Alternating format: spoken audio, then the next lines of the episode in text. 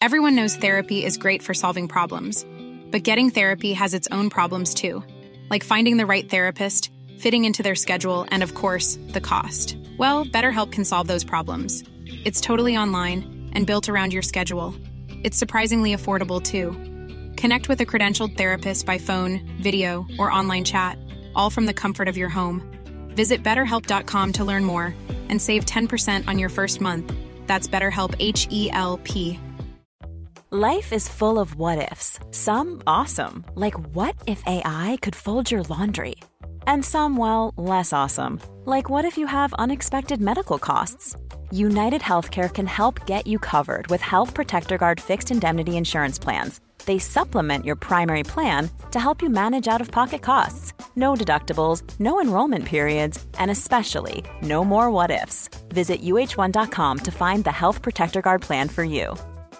Quality sleep is essential. That's why the Sleep Number Smart Bed is designed for your ever evolving sleep needs. Need a bed that's firmer or softer on either side? Helps you sleep at a comfortable temperature? Sleep Number Smart Beds let you individualize your comfort so you sleep better together. JD Power ranks Sleep Number number 1 in customer satisfaction with mattresses purchased in-store. And now, save 50% on the Sleep Number limited edition Smart Bed for a limited time. For JD Power 2023 award information, visit jdpower.com/awards. Only at a Sleep Number store or sleepnumber.com.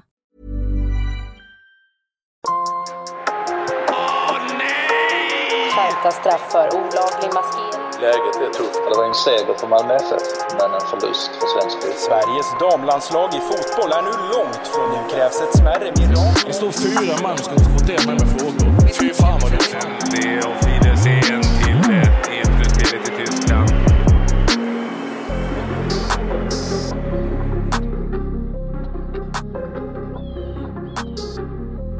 Dags för avsnitt 13 i Blågul framtid om krisen i svensk fotboll. Nu grottar vi lite i taktik och trender och annat. Och det är ett ämne du brinner för, eller hur Erik Edman?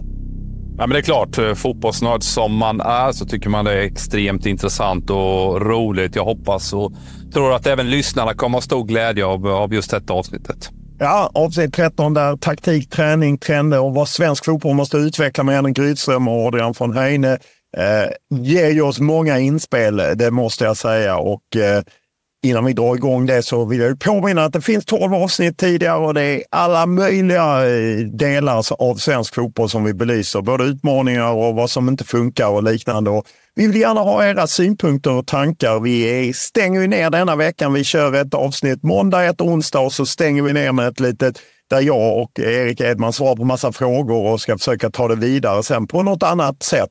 Men eh, nu kör vi igång avsnitt 13. Taktik, träning och trender. Vad svensk fotboll måste utveckla. —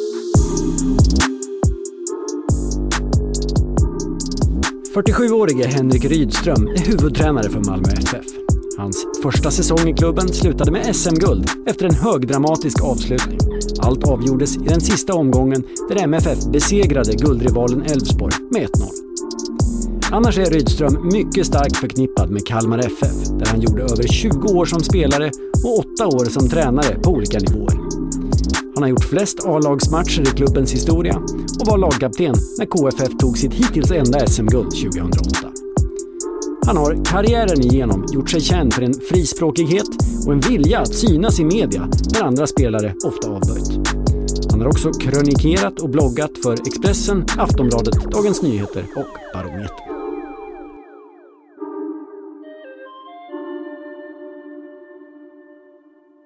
Vi behöver om ett annat ifrågasätta och, och reflektera jävligt mycket över vad det är vi eh, gör och hur vi utbildar spelare och eh, vilka val vi gör i eh, seniorverksamheten sen. Eh, jag var, tror det var 2017, så var jag på Nordisk tränarkonferens och då var, då var Hansen, eh, Per-Johan Hansen, eh, inte Roar Hansen, Per-Johan Hansen som då, alla, då var på norska förbundet där, eh, motsvarigheten till SEP. Och de hade ju under rätt lång tid känt att fan vad dåliga vi är i norsk fotboll. Um, så Per-Johan hade ju åkt runt och uh, liksom besökt de bästa klubbarna, vad gör de? Och, och gjort en ja, Norska förbundet gjorde ändå någon form av liksom, jävla rannsakan. Vad, vad kan vi göra? Det finns ju ändå pengar och det är ju så i svensk fotboll. Det finns ju pengar, men man lägger dem kanske hellre på en... Som, det var på norska, norska synen. Man lägger det kanske, ett tippeligalag lägger det kanske hellre på en serbisk mittfältare, de här 15 miljonerna och få komma sjua i tippeligan än på den egna akademiverksamheten för att utveckla för att på sikt bli bättre. Och det hade man väl inom norska förbundet i alla fall ifrågasatt. Och då var jag U19-tränare, så jag tyckte det där lät jävligt bra. Och sen så blev du själv seniortränare och eh, jag får ju sparken om inte vi vinner matcher, så då blir det att man eh, går kortsiktigt. Hur, hur, hur, och det tror jag, där, där finns ju någonting som man i alla fall som blir problematiskt ibland. Om man ser till eh, att eh, det här med taktiska trender och så och eh, alltså hur man påverkas. Alla har ju sett din förvandling från en hårt jobbande mittfältare som kanske mest slog någon boll i sidled till att, eh, till att stå för en annan fotboll, både i Sirius, Kalmar och Malmö FF. För hur har liksom du blivit formad som tränare när det gäller din syn på fotboll? Det är en väldigt, väldigt bra fråga. Jag, jag tror väl eh, man generellt formas ju mycket av... Eh, alltså dels är det ju samtiden. Vad, vad, gör, vad gör de som har nått framgång? Eh, men jag har nog ändå formats mer av eh, vi kalla det dåtiden. Eh, hur, hur jag kanske inte fick spela. Eh, och eh, och, och försökt att kanske skapa någonting som jag själv då hade njutit av att få göra som spelare. Och, eh, nu pratar vi om, om resultatframgångar till stor del, liksom. men, men för mig är det nog eh, det det viktiga att komma bort från just eh, resultatfixeringen och att istället då utveckla och spela ett spel som eh, man, man uppskattar som spelare. Där inte bara, för, för, när jag spelade så var det riskminimering och det var... Man kan säga att det bara handlar om att vinna, för det fanns liksom ingen njutning i hur man spelade. Eh, det bär jag med mig, men såklart så, så försöker jag ju hela tiden integrera det i ett sätt att, att vinna fotbollsmatcher. Men jag tror att det ökar och spelarna också har något mer än bara att okej, okay, vi vann eller vi förlorade, för det blir rätt torftigt till slut. Liksom det är, fantastiskt att vinna matcher. och Det är otroligt härligt att vinna eh, som allsvenskan. Men du måste tycka om liksom, vad du gör varje dag som, som spelare. Och det är väl kanske också då vi pratar om svensk fotboll. Hur, hur jag upplever väl kanske då att eh, i debatten blir väldigt mycket ehm, Eh, ja, men de som kanske försöker att göra något annat eh, det omfamnas väl till viss del, men det blir också lite det, det, det konservativa, hur det har varit innan. Det, det, man, man kommer tillbaka till det hela tiden och då är det liksom stabilt defensivt, disciplinerat, kontringar, fast situationer som, som är en viktig del av fotbollen som jag också vill göra. Men, men jag, eh, tittar man eh, internationellt och jag har försökt att ändå, jag, jag har nog letat liksom med, med vad säger man, med, med eh, ja, men jag har letat desperat efter någonting, att, i alla fall för fem, sex, sju år sedan. Så här, vad, vad fan gör, vad gör man då? Lite som det här norska. Vad gör, man, vad gör de bästa lagen? Ja, men hur, hur, hur noggranna är och Då kan man titta på Pep Guardiola och Bielsa. Liksom. Men för mig har det varit en välsignelse att se hur jävla noggranna de är i förberedelser. De tränar. Allt de gör har en tanke till matchen. Och det, ska man vara krass så har det inte varit i svensk fotboll så länge.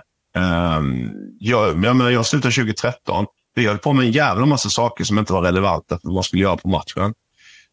Um, och då, eh, vi ligger efter där skulle jag säga. Sen om vi ligger efter dansk eller norsk eller fin, det, det kan jag inte säga. Men om vi tittar på portugisisk fotboll, spansk fotboll, så har de haft en träningsmetodik under så lång tid som är så pass mycket bättre. Så, eh, och det kan inte vi äta en fatt på en, ett år. Liksom.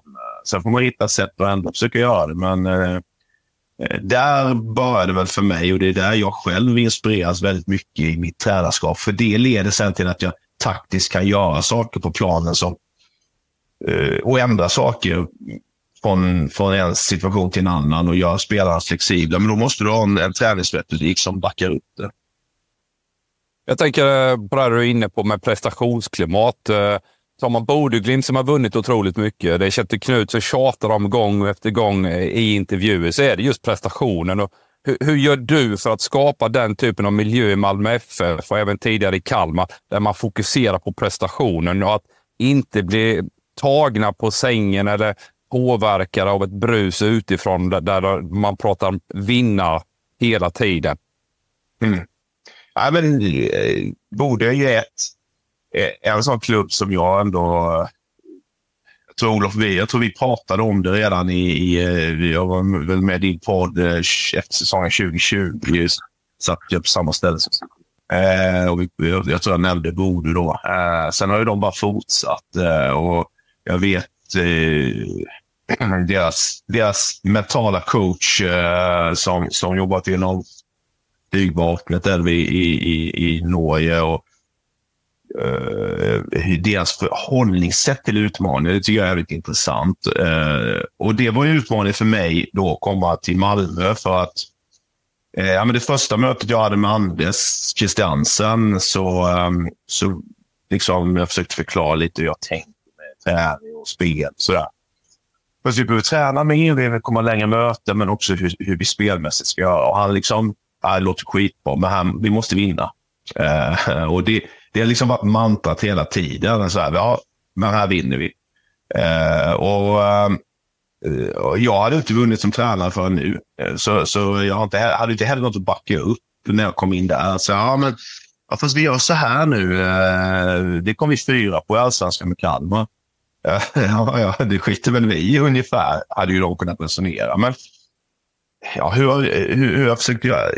Jag har ändå försökt kanske, jag kommer tillbaka till det här med spelet, att, att få dem att känna någon lust till att faktiskt gå ut och träna och spela fotboll med varandra. Jag har försökt kanske vädja lite till det här ursprungliga som gör att du en gång börjar spela som du sen så lätt glömmer bort på vägen just för att det blir krav på att du ska ta nästa steg. Du ska utvecklas. Du ska, det har ju vi också såklart. Eh. Men eh, och du fastnar i det och jag upplevde att Malmö hade fastnat definitivt i det där. Liksom. Och då har jag också med mig det här från när jag spelade. Hur många matcher jag inte gick... Alltså jag gick ut och spelade och sen bara hopp, alltså jag hoppades att matchen skulle ta slut för vi ledde. I halvtid, vi leder. Och istället för att njuta av... Alltså, njuta är ju relativt så här. Det vet du med Erik. Så här, jag pratade med Ola Toivonen med, med det nyligen. Vi snackade om det där att fan, man är också jävligt rädd i matcher. Och man, eh, man, man vill bara att segern ska vara där och man kan eh, njuta av segern. Men, men, som jag sa, till slut blir det ett jävla tråkigt förhållningssätt. Så att, eh, det är väl där jag har försökt att, och, och, ihop med de jag jobbar med såklart. Att, hur fan kan vi få spelarna att och, eh, faktiskt fundera på mer än bara att vinna? För det, det är så självklart. Jag vill ju vinna. Alltså, det, spelar vi padel så vill jag slå er. Olof och jag, vi har, vi har varit i gymmet. Eh, kommer du köra crossfit en gång, eh, Olof? Det är länge sedan. Eh, fan. Jag vill, jag, jag vill ju vara, man, man vill ju det. Man vill ju prestera bra och, och slå dem man tävlar mot. Så det behöver man, ju, fan, det behöver man inte prata om. Ung, ungar idag, de, de vet exakt vad det står i matchen, även om de inte räknar. För att det ligger i oss. Så, så jag gör väldigt mycket för att prata om helt andra saker.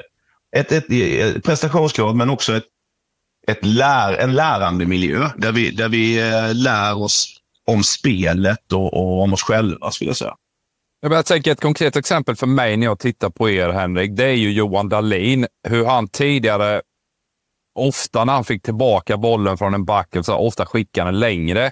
Jag upplever att han nu betydligt oftare vill spela bakifrån och då måste du ha gjort någonting Eh, med honom och jobbat med honom för att skapa förståelse hos honom. Det här är ett sätt för oss att vinna mer längre fram. Mm. Ja, men och det är där det ändå...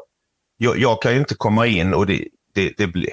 Jag har väl, jag får ta det själv om, om mig själv, att jag är processtränare och att vinna är inte...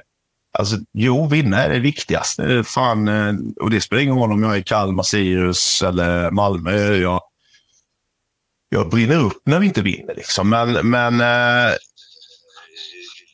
när det gäller de speltaktiska bitarna så är det såklart att jag förankrar det i vad jag tror också leder till eh, att vi vinner fler matcher. Men det kan ibland vara någonting som kortsiktigt gör att om Johan slår bort bollen, han, han bommar den mot eh, Degerfors borta eh, och vi släppte in ett mål. Men, men då måste jag ju backa det vi har pratat om och, och, eh, och ta ansvar. Johan är ju den första som tar ansvar själv, men jag måste ju få dem att förstå varför vi gör de sakerna och att det i sin tur ökar möjligheterna till att vinna matcher. Och det jag är ju jag är av den eh, bilden att vi, vi, när vi spelar i Europa kan inte vi Alltså vi måste ju ha nyans i vårt spel såklart. Vi måste ju kunna vrida på det. Vi kanske inte kliver lika högt om vi möter Brighton borta eh, som eh, om vi möter eh, Degerfors borta i pressen. Men vi kan inte göra... För, för nej, jag, jag spelade ändå ett gäng Europamatcher med Kalmar och jag upplevde att vi åkte ut och hoppade. Så att, hoppas inte motståndarna är bra idag. Eh, det, det ger liksom ingen, det ger ingen livslust. Det ger inte det där eh, tro på det. Och, och, och, då kan det vara till exempel att, att jo, jag, måste, jag måste få Johan och förstå varför han ska göra de sakerna. Men sen bygger du på att nästa led, om det är mittbackar eller centrala mittfältare, de måste också ge ett alternativ och så måste nästa ge ett alternativ. Så det är som en kedja. Liksom att, um, för, för, när jag spelade så, ja, jag, kan ju, jag kan ju säga det nu, men jag vill ju inte ha bollen i så många situationer. Eh, och eh, Det är ju ett jävla tråkigt förhållningssätt till att spela fotboll. Men, men det är ju många som spelar sin karriär på det sättet. Men för... Fan vad jag, vad jag, vad jag flum, flummar, men eh, om Johan ska kunna spela ut till mittback så måste Johan veta att mittbacken i sin tur vet vad han ska göra och sen vet nästa spelare vad den ska göra. Och då tillbaka till träningsmetodik, noggrannhet, eh, teorimöten, eh, skapa en förståelse. Medan när jag kanske spelade så var det mer att så här gör vi. Och sen så eh, gjorde vi det, men vi, vi undrade egentligen, fan men man kan ju kanske göra på ett annat sätt, men det tilläts liksom aldrig. Hur mycket sitter det ihop just det, det ja, teorimöten, träning och match. Eh, om du beskrev det som ja, på din tid att, eh, som spelare, att det kanske inte alltid satt ihop det man gjorde. Hur, hur mycket mm. måste det sitta ihop för att man ska lyckas med den här processen som det så fint heter? Ja, men, allt, allt och det. Eh, jag skulle säga liksom, sen är ju det en, en ständig, eh, det är där man, man konstant och därför tycker jag den här debatten är bra. Jag tycker det, det, det, här, det här samtalet är bra för mig, för jag reflekterar i det samtalet. Det är därför jag ofta också vill vara med i poddar liknande, för att man, man tvingas reflektera över det. Och. Jag försöker ta in nya inslag i vårt spel, eh, men, men det bygger ändå på att jag som tränare har en bild att det är det här vi vill göra. För att spelaren i sig har svårt att få helheten. Om, om, om, om, eh, om Erik, när du spelar så så, så upplevde jag dig som en, en väldigt smart spelare, men du kommer alltid vara dig själv närmast. Precis som jag tyckte om att spela en formation som gjorde att jag hade många spelare runt omkring mig, för jag var inte så jävla snabb. Och, och så frågar jag spela för mycket så kommer han bara, ah, men då svarar han på det som gynnar honom. Eh, så det blir mitt ansvar någonstans. Okej, okay, det här är det som gynnar helheten. Vi har Johan Dahlin med den här förmågan. Jag har Anders Christiansen med den här förmågan. Hur får vi ihop det på bästa sätt? Men så måste jag ju skapa en, en, en förståelse som sagt för att så att alla, alla någorlunda ser samma sak. Vi pratar om samma intention där ute. Och det, det, det finns liksom ingen genväg till det. Ehm, och Det har väl varit en sån sak som jag, på den här nordiska tränarkonferensen, så sa jag, tog jag upp det, att jag tycker vi jobbar för lite i svensk fotboll. Det var 2017 och jag hade väl varit tre år som tränare. Då, då, var, det, då var Roa Hansen som, eh, då var väl han i Åtvidaberg. Eh, han, han höll med, men annars var det rätt tyst. Det var en massa tränare då. Eh, men hans bild var också samma sak. Att spelarna de förväntas, de kommer in på morgonträning för nu är det professionellt och sen så går de efter lunch och går, ja men, ja, man sticker och gör andra grejer. Och för mig är det så här, vad fan, det är då vi ska jobba vidare, för det gör man på andra jobb. Och, och där tror jag vi ligger efter det finns säkert andra länder också, men jag, jag tror att vi, det har påbörjats en, en förbättring där och det kommer upp yngre tränare som, som, var, ja, men som också inspireras kanske på samma håll som jag inspirerats. Och eh, jag tror kanske också att det är jag och Theo som jag jobbat med rätt länge. Hur vi kanske har också fått, försökt att propagera för att vi måste jobba mer, längre dagar. Att det är inspirerande. Så Hammarby var inne på det också nu då när de anställde eh, en ny tränare. Att ja, men vi vill ha en bättre träningskultur. Ja, jag tror det, det är huvudanledningen. För det krävs en jävla massa tid, möten, eh, övningar för att få spelarna att, att se helheten på samma sätt som jag vill att de ska se. Hur upplever du att diskussionerna eller debatten är kring eh, svensk fotboll om man eh, går tillbaka till den där klassiska tiden med Lars Laban Arnesson på ena sidan och Bob och Roy på andra. Sen är min upplevelse, men jag kanske inte är i rätt forum, att, det är, att man är rätt försiktig. Man vill inte gå och trampa någon på tårna. Nej, men eh, alltså, jag, jag delar ju det. Jag, jag, jag, jag tror går vi till Danmark så är det, är det skillnad. Och, och eh, nu, nu, nu är det ju mer... Ja, hur fan ska jag säga det? Alltså jag, Kalmar är ju avsides som ni vet. Och, och, eh, men om man bara tittar på liksom, fotbollsmässigt så har det varit rätt framgångsrika år eh, på, på de senaste i alla fall ja, 10-15 åren. Liksom. Eh, men när jag började prata om att vi skulle ha ett bollinnehav här för ja, 2018, inte så länge sedan. Alltså jag, jag ansågs ju vara dum i huvudet. Eh, och jag tycker det ändå säger någonting om svensk fotboll. Jag, jag tycker det, det, man kan ta vi i Malmö nu, hur, hur, det blir ju, det är och så säger inte jag att det är rätt, men det, vi får mycket mer uppmärksamhet internationellt över, över vårt sätt att spela. Även vad vi får eh, nationellt. Eh, och Eh, jag, har, jag, tror att man då som tränare, var inne på det i början, att det är så lätt när man blir, framförallt när du tar över ett seniorlag, att du blir feg. Eh, och du vill inte vara den där som som gör någonting som alla andra inte riktigt gör. För om du misslyckas med det så ser du dum, dum ut. Men om vi eh, satsar på långa spelvändningar och kontringar och, och fast situationer så, så kommer vi att misslyckas. Så det är ingen som tycker det är så konstigt. Um, jag, jag, tror att vi i Sirius var väl ett av de 2020. För då hade vi ett, ett, vi hade ett bra lag, men kanske inte så namnkunnigt. Men vi, vi gick ut och försökte dominera matcher. Och det, det vet jag inspirerade Degerfors som sen kom upp och gjorde något liknande i alla fall sitt första år. Eller dominerade, vill säga kanske, men de eh, försökte i alla fall. Men som sen när det kommer till det här att nu håller vi på att åka ur, då, då tar man kortsiktiga lösningar och man försöker bara rädda det som räddas kan. Eh, men jag kan känna, jag vet hur jobbigt det är att ska säga, gå emot det som anses vara normen. Och normen i svensk fotboll är inte så eh, utvecklad, skulle jag säga. Men jag, så, så, så, jag tycker det här, de här diskussionerna är skitbra, det ni gör, att man pratar om det.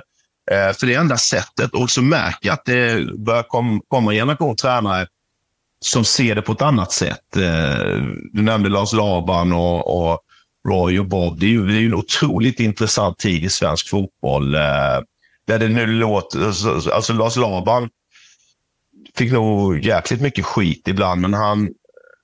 Alltså hade inte de här mot, om vi kallar motpolerna funnits så hade inte svensk fotboll tagit de kliv som man säger gjorde. Och det behöver vi nu med. Men, men jag vet inte. Det, ja, nej, men, ja, jag vet inte jag ska säga. Jag har inte varit i så många andra länder, så jag kan inte säga diskussionerna där. Men jag känner ibland att man, man anses vara lite korkad och, och naiv och man försöker, som jag har försökt göra egentligen hela min tränarkarriär, att jag försöker Fan, vi, vi ska dominera. Ah, ah, det är ju korkat. Och så släpper du in ett mål på en offensiv omställning och då är allt skit. Och titta vad dålig han är. Medan ett lag som, som säger då, det, det här får jag ju vänt mig Och jag vet ju att jag är ibland så jävla dum. Jag tror det var AIK borta nu i år.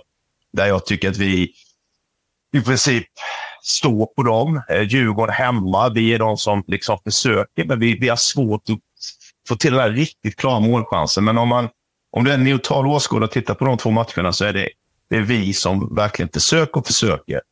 Eh, men det är jag som får de kritiska frågorna efter. Liksom. Varför skapar ni inte mer klara målchanser?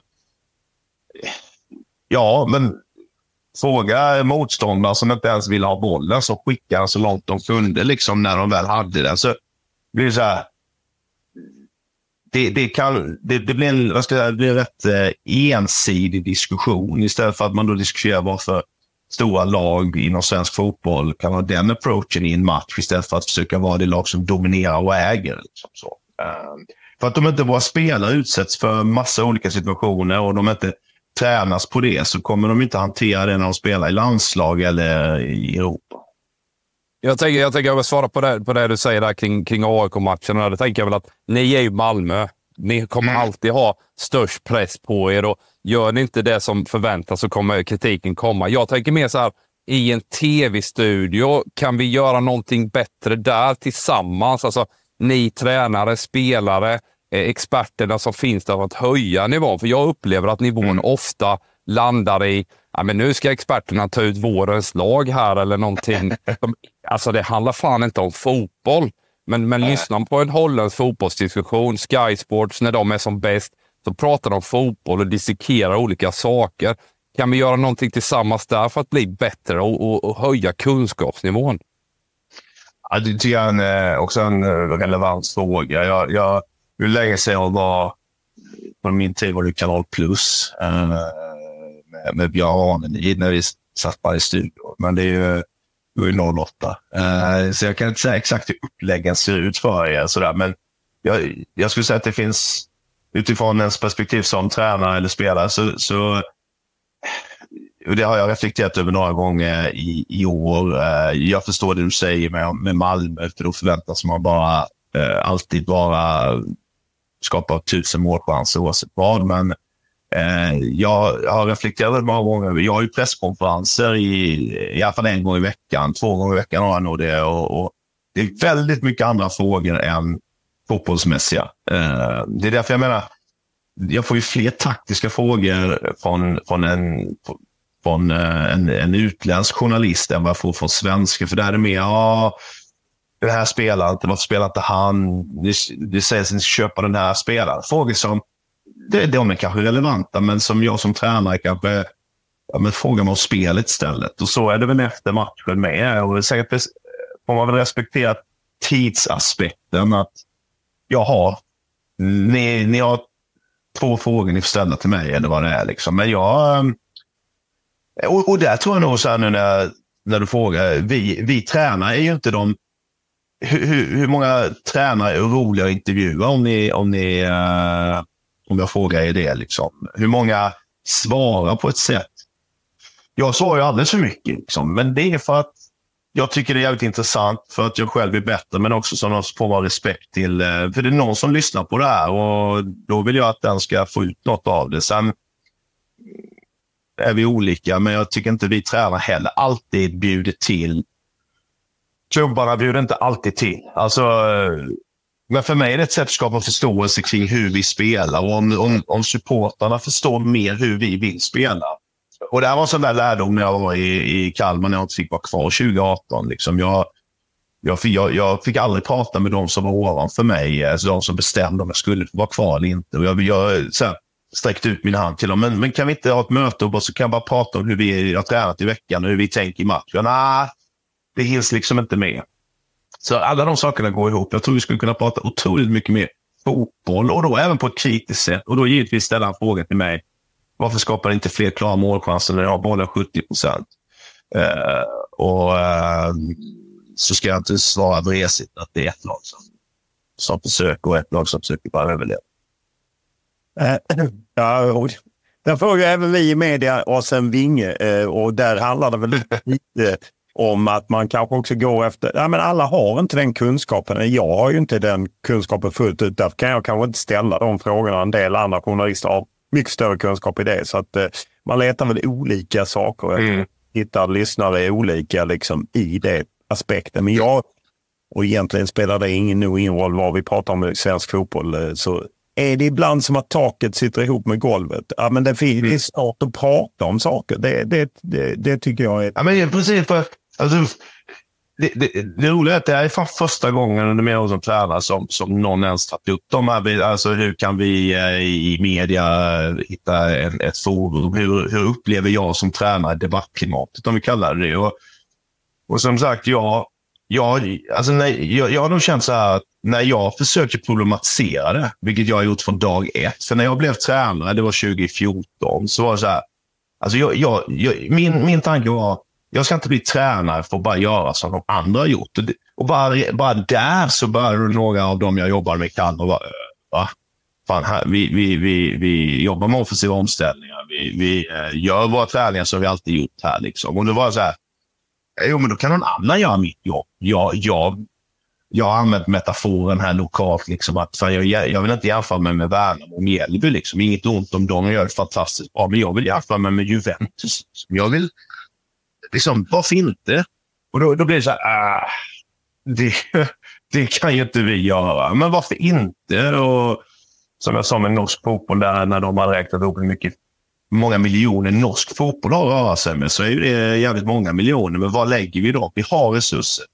Vi behöver inte skylla på massa saker då. Eh, men när man pratar om det och när jag har försökt problematisera, att, ja, men kan vi göra det på ett annat sätt? Hur kan vi utvärdera oss själva? Hur kan vi...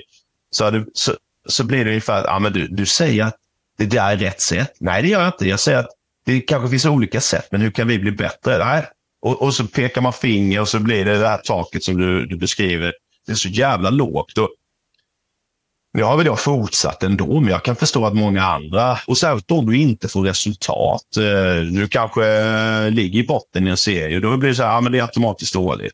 Eh, Ja, eller så eh, är det faktiskt bara så att vissa lag är bättre än andra. Det spelar ingen roll hur de kan spela på ett visst sätt, men det är inte där det ligger och vi måste kunna prata om det och vi måste kunna problematisera det utan att det pekas finger. Men eh, där finns det otroligt mycket mer vi kan göra. Sen tycker jag, kan jag bara lägga till, jag tycker att jag gick ju pro-utbildningen nu 20, 2018, 2019 och där tycker jag att det pratas mer om, om de här bitarna. Och, och, men precis som det är när man pratar om domare i, i svensk media och liknande, eller i, i, så blir det så här, vi får inte kritisera.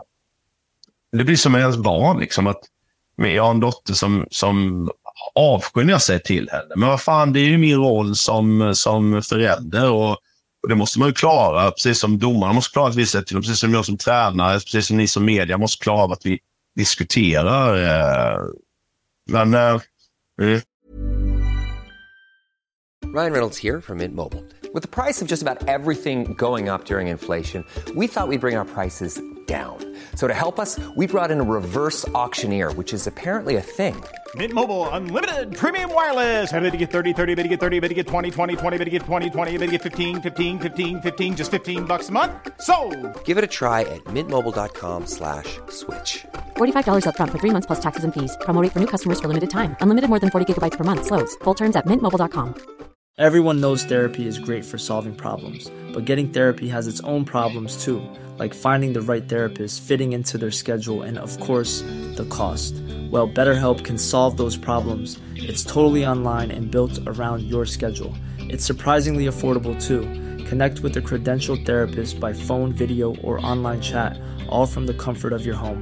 Visit betterhelp.com to learn more and save 10% on your first month. That's BetterHelp, H E L P. Burrow is a furniture company known for timeless design and thoughtful construction and free shipping, and that extends to their outdoor collection. Their outdoor furniture is built to withstand the elements, featuring rust-proof stainless steel hardware, weather-ready teak, and quick-dry foam cushions. For Memorial Day, get 15% off your Burrow purchase at burrow.com slash ACAST and up to 25% off outdoor. That's up to 25% off outdoor furniture at burrow.com slash ACAST. Om man ser att liksom svensk fotboll ska eh, ta några kliv, kan man hitta liksom någon gemensam väg framåt och i så fall hur gör man det? Eller är, är det för svårt att få alla liksom att, att bryta mot det här att eh, vi gör som vi alltid har gjort? Att, att, att fler ska våga liksom gå någon annan väg och kanske till och med stå för det?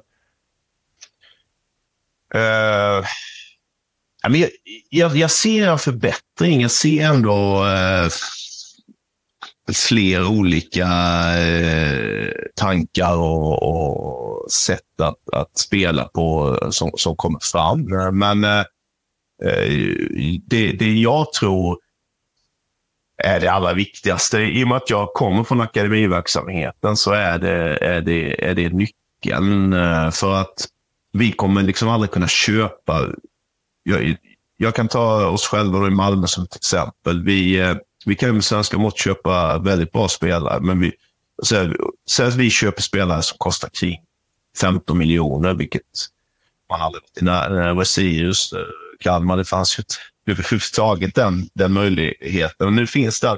Men vi är inte på den här, vi är inte på hyllan där de kostar 45 miljoner. Eller, eller, eller jag nämnde Brighton, vad köper de? Vad kan de köpa spelare för och sälja spelare för? Och är, det, är det rimligt att, att nå dit? Det, det kanske jag skulle fråga dig Olof, för du kan ju mer om ekonomiska bitarna och incitamenten. Sådär. Eh. Jag, jag har svårt att se det och då, måste, då kommer det till hur bra utbildar vi våra egna spelare så att vi i Malmö inte behöver köpa in vissa typer av spelare, utan de utbildar vi själva och svensk fotboll skapar spelare som... För jag, är den, jag är den bilden att du kan göra så otroligt mycket på träningsplanen. Eh, ju tidigare, desto bättre. Och det är där den stora diskussionen för mig är. Eh, när vi får dem på seniornivå så kan jag, jag kan fortfarande göra mycket med dem. Och jag eh, kan förändra deras sätt att tänka och, och agera och, och framförallt det vi var inne på, att, att våga och tro på det och förstå. Men, men det är svårt för mig att göra en spelare mycket snabbare när han är 22 liksom, eller 19. Men hur bra har vi tränat dem fram till det? Eh, och Då kommer vi till resurserna du avsätter och eh, ska det vara större krav på eh, varje klubb att avsätta mer pengar? Nu har ju Malmö har det. Många allsvenska klubbar har ju också då en damverksamhet eh, som nu då med all rätt kräver resurser. Eh, så då försvinner lite av det som kanske hade gått till den andra biten innan. Eh, så det är, det, är, det, är, delikata frågeställningar och, och, som vi behöver fundera på vad, vad vi vill inom svensk fotboll. Men där ligger det för mig. Och nu kan jag inte träningsvanorna i Stockholm, men jag antar att de är rätt dåliga för ungdomslag. Eh, hur, hur kan man se till att du har en miljö för ungdomar så att för, för, det är inte lika mycket spontanidrott längre. Hur kan vi då ha... Jag vet att Ajax har liksom byggt upp en fantastisk anläggning där det... Där, eh, även för ungdomsspelare. Där... Eh, vad ska man säga? Miljön gör ju att Ja, men man kan ta ett annat exempel, kanske ett dåligt exempel, men eh, om du nu har en... Eh, jag var hemma hos Tobbe Karlsson, min gamla mittbackskollega eh, igår. Han har satt upp en pull-up-räcke i dörröppning. Så när han går förbi så gör han några pull-up. Och det är skitbra. Alltså, hur, hur kan du skapa en miljö där ungdomsspelare framförallt eh, lockas att spela fotboll? Är det en liten multiplan? Är det, är det fler gräsplaner? Är det um, ett, ett plank du kan stå och skjuta mot? Men så ser det ju inte ut. Liksom. Så det blir få timmar som, som spelarna spelar fotboll. Um, och hur samhället ser ut så, så blir det ännu färre. Där tror jag, och då har vi klimatet mot oss. I Spanien kanske du går ut och spelar på ett annat sätt. Och hur kan vi, är det fler hallar som på Island? Men det kostar pengar. Och min erfarenhet är att ingen jävel är intresserad av att investera i det som de inte får omedelbar effekt av. Och allt det här vi pratar om, i effekt om 5, 10, 15 år. Och det är inget, ah, fan det är skittråkigt. Då kanske, så då byggde man paddelhallar istället för fotbollshallar för ungdomar. Och då ser vi hur det gick. Ja, det gick ju inte bra. De stänger kan, har ju svårare att Men just, just den balansen mellan det kortsiktiga, att köpa en ny högerback, eller investera det i akademin, i lite fler tränare som, som man skördar om 10 år eller 15 år. Hur, hur, hur kan man övertyga de som bestämmer? För i, i slutändan är det, det finns ju pengar, en del pengar i varje fall. Mm. Mm. Folk som bestämmer. Hur kan man övertyga dem om att de, precis som Johan Dahlin, måste tro på den här nya processen. Skicka inte långt, utan vi måste mm. liksom... Det är ju det som jag ser som den stora utmaningen. Men är det inte symptomatiskt lite? Alltså, att, att vår diskussion i svensk fotboll, även som är förbundskapten, eh, in, eh, inte hur vi då skapar ännu bättre förutsättningar för, för ungdomar. Eh, för förbundskaptenen är ju symbolen, men han, vad, vad, kan, vad kan de göra om vi inte har det andra? Men det blir det här kortsiktiga igen. Jag, jag har faktiskt inget bra svar där. Eh, jag kan inte riktigt de här mekanismerna, hur, hur liksom, hur mycket styrning svenska fotbollsförbundet kan göra med klubbarna. Men, men, men jag antar att SEF har en, en viktig roll där i att det blir någon form av centralstyrning. Att det här, jag tror man måste öronmärka de här pengarna går alltid till akademiverksamheten. Men sen kommer du då till kommunerna som, som ska bygga planer, som inte är intresserade av det. och, och eh Eh, det blir politiskt till slut. Va? Ehm, och, eh, men men kan, kanske då att när, det, när vi är där vi är och då blir ju någonstans A-landslaget bära eh, den där symbolen. Men nu ser man att damlandslaget också går mindre bra. Men just att okej, okay, vi vill ha ett bra landslag.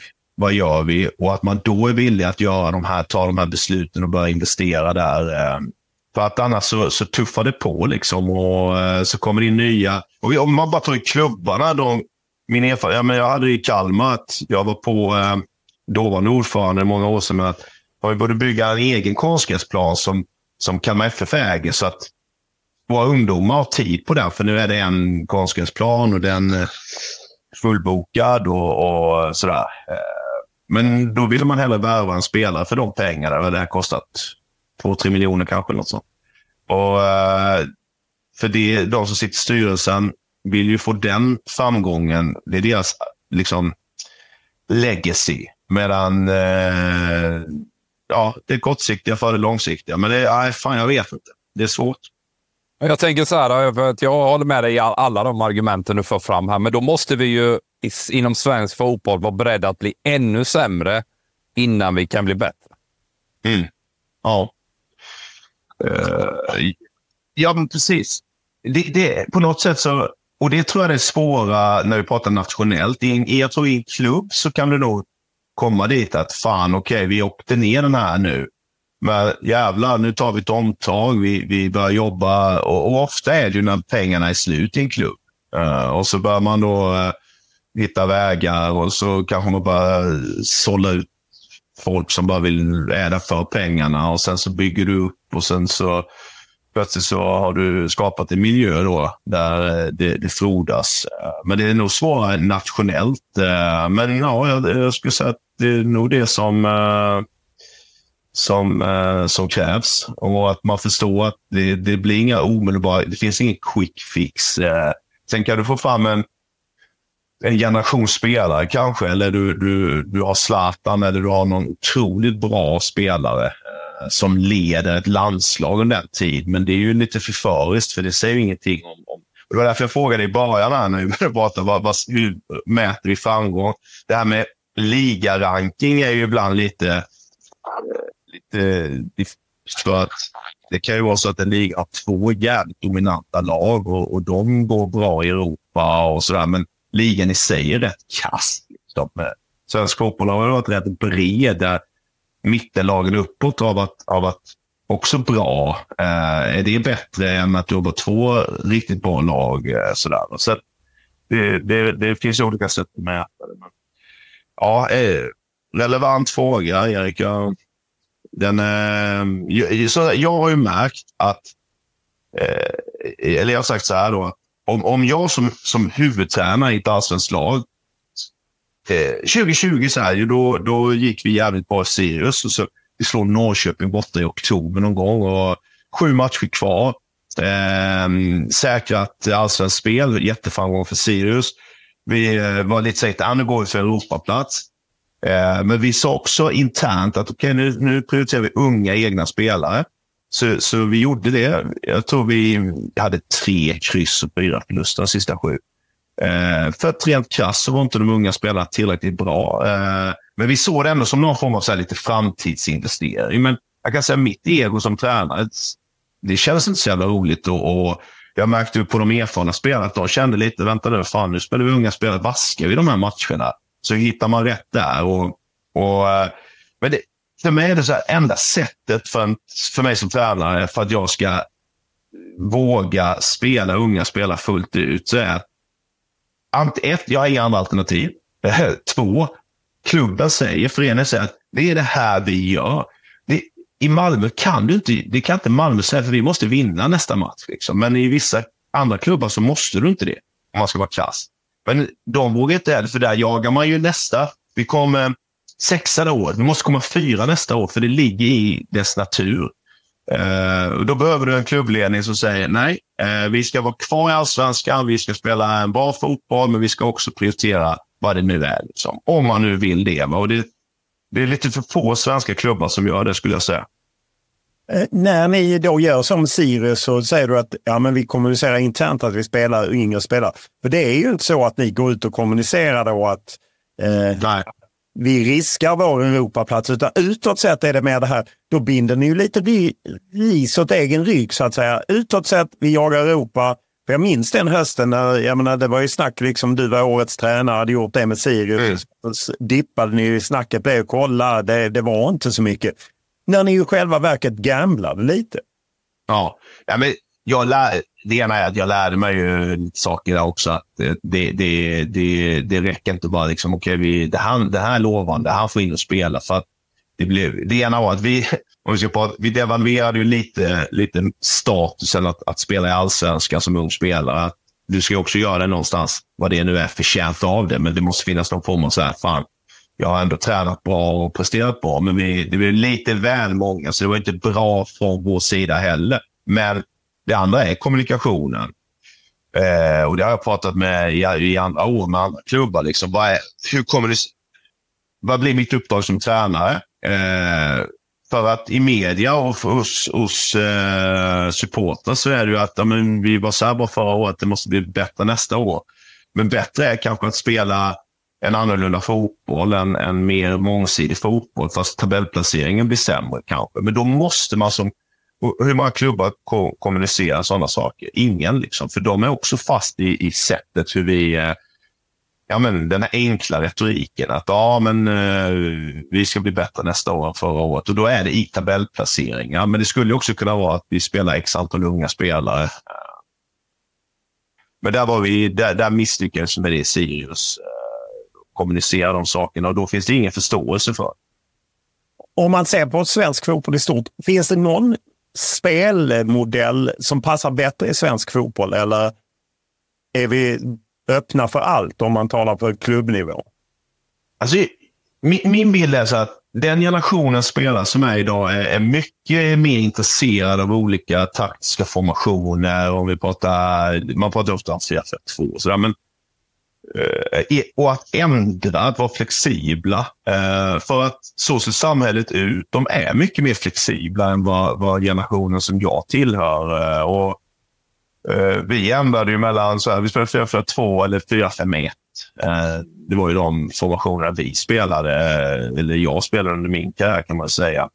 Medan nu, så när de spelar Fifa, när jag spelade Fifa, jag spelade Fifa 97, du kunde ju du kunde knappt ändra formation i spelet. Det, kommer, ja, det var inte så utvecklat spelare. Uh, medan dagens generation, de ändrar, de, de stoppar, går in och ändrar formation och spelar managerspel de ändrar. Så de är mycket, det är mycket mer, det ligger i deras natur. Det är, de är på Twitter och läser och det är analyser på ett annat sätt. Uh, uh, det, däremot så kanske det är så att, vad ska jag säga?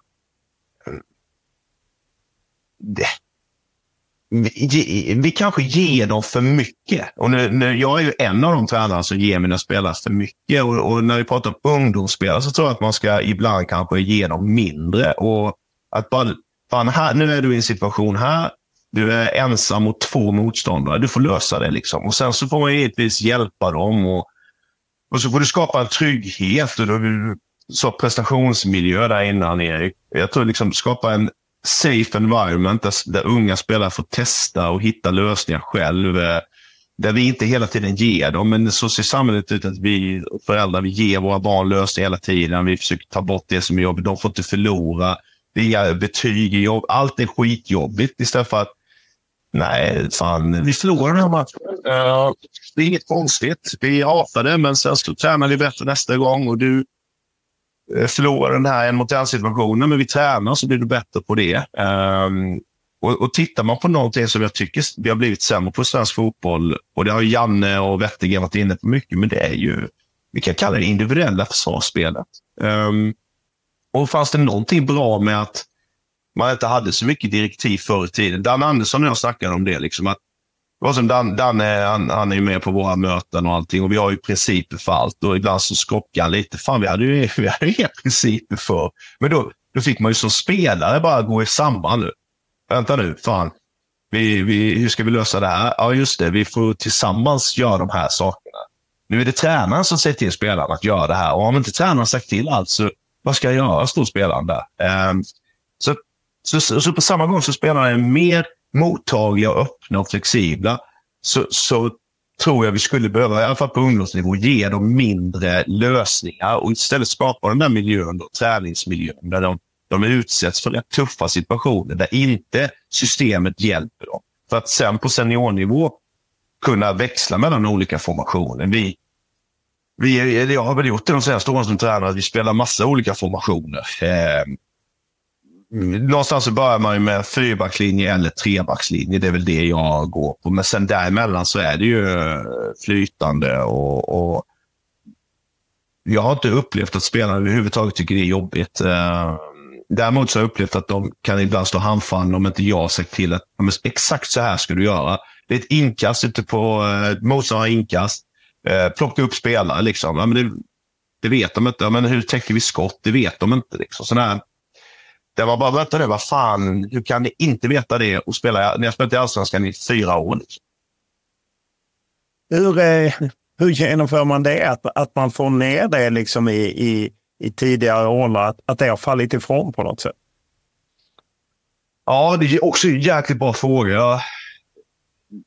Tittar man lite på jag ser stora möjligheter med akademivärlden, men, men jag tror också att det, man går i lite fällor där eh, och, och, det har jag själv gjort. Man tittar på Pep Guardiola, man tittar på...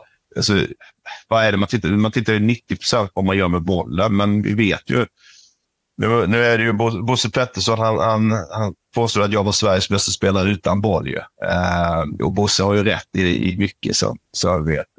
Men den delen är ju väldigt viktig. Eh, vad, vad har du gjort innan du får bollen? Vad gör du när motståndaren har bollen såklart? Och, där, om vi nu har då en, jag brukar säga det, en ny generation tränare, så tror jag att de ligger väldigt mycket, de ligger mycket i det offensiva försvarsspelet. Alltså, eh, vi har mer man-man-inslag på motståndarens planhalva. När, när mm, mål, motståndarens målvakt tar bollen så plockar man upp man-man. Liksom.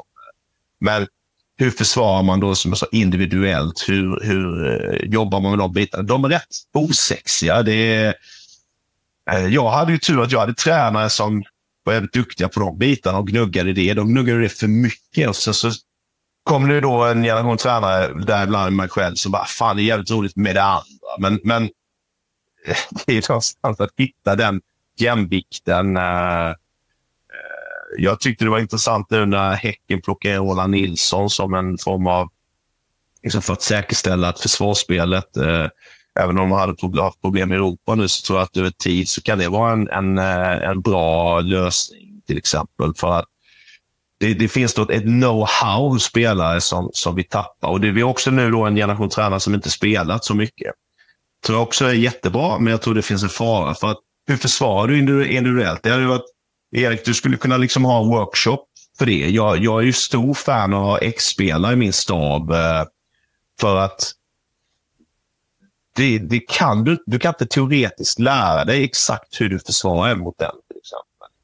Så, så att få in mer X-spelare, inte för helheten utan för det individuella på, på eh, akademinivå, tror jag, eller på ungdomsnivå är, är en sak.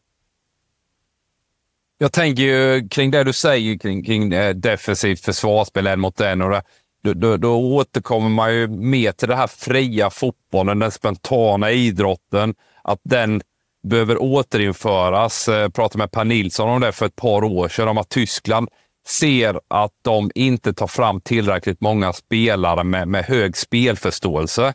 Eh, jag känner väl det, rent för att komma till någon typ av konklusion här, så de som är absolut bäst på spelförståelse enligt mig, det upplever jag att det är de på Iberiska halvön eh, och hur de tränar tidigt i unga åldrar för att eh, ja, de har ju övningar. När de kommer sen till seniorverksamhet så har de tränat spelförståelseövningar i högre utsträckning än vad, vad kanske vi har gjort tidigare som gör att de har en spelförståelse på en hög nivå eh, och, och eh, eh vad ska jag säga, de, de, de klarar av en mot en situationer också. Eh, och, och ja, det, det, det, är så jag upplever det i alla fall, att, att de är absolut skickligast. Bernardo Silva är kanske det absolut bästa exemplet på att lösa situationer. Och det kommer av spontanidrott från början och inte så tränarstyrd eh, träning. Mm. Ja, men, jag, ska säga, jag, jag delar ju det. Jag, jag, jag, som jag är inne på, jag, jag känner ju att Eh, för mig har det varit nyttigt att vara U17 och U19-tränare. Med, med jag och min kollega då, som jag jobbar åt med Johan, eh, vi, vi, vi reflekterar över det där. Liksom att, vänta, vad fan, vi försöker hitta en, en formation som hjälper spelaren. Borde vi inte egentligen då eh, göra det svårt för dem även i matcher? Sen, sen, sen vill man inte så vill inte göra det för svårt för dem. Vi vill ju fortfarande fan att de ska vinna. Och, och det där är ju det, det sweet spot. Så hittar man till stor utmaning. Men jag tror till exempel om du ser att någon har fallenhet för det. Och det här är väl så som Ajax har jobbat under många år, att de har en jävligt bra anfallare. Ja, men då sätter de alltså mittback i någon match. Det gör det är laget på U14 som går sämre, men det utvecklar spelaren. Eh, eh, och vi har inte lika mycket spontanidrott och, och vi har inte samma förutsättningar som på Iberiska halvön just i form av eh, klimat och sådär. Men hur kan vi då i träning skapa mer eh, vi har inte ens varit inne på relationismen som, som, eh, som eh, det har pratats mycket om, men det är ju ett sätt att ska säga, nu är inte den fri och styr, bara så här, ja, ni spelar som ni vill, men, men att, att använda sig av spelarnas kreativitet. Att inte jag säger att du ska stå där, du står där, det här är en riktigt positional exercise. Nej, utan fan, använd det ni har lärt er genom åren. Det kan man göra redan när de är unga. Låt dem, låt dem spela fotboll.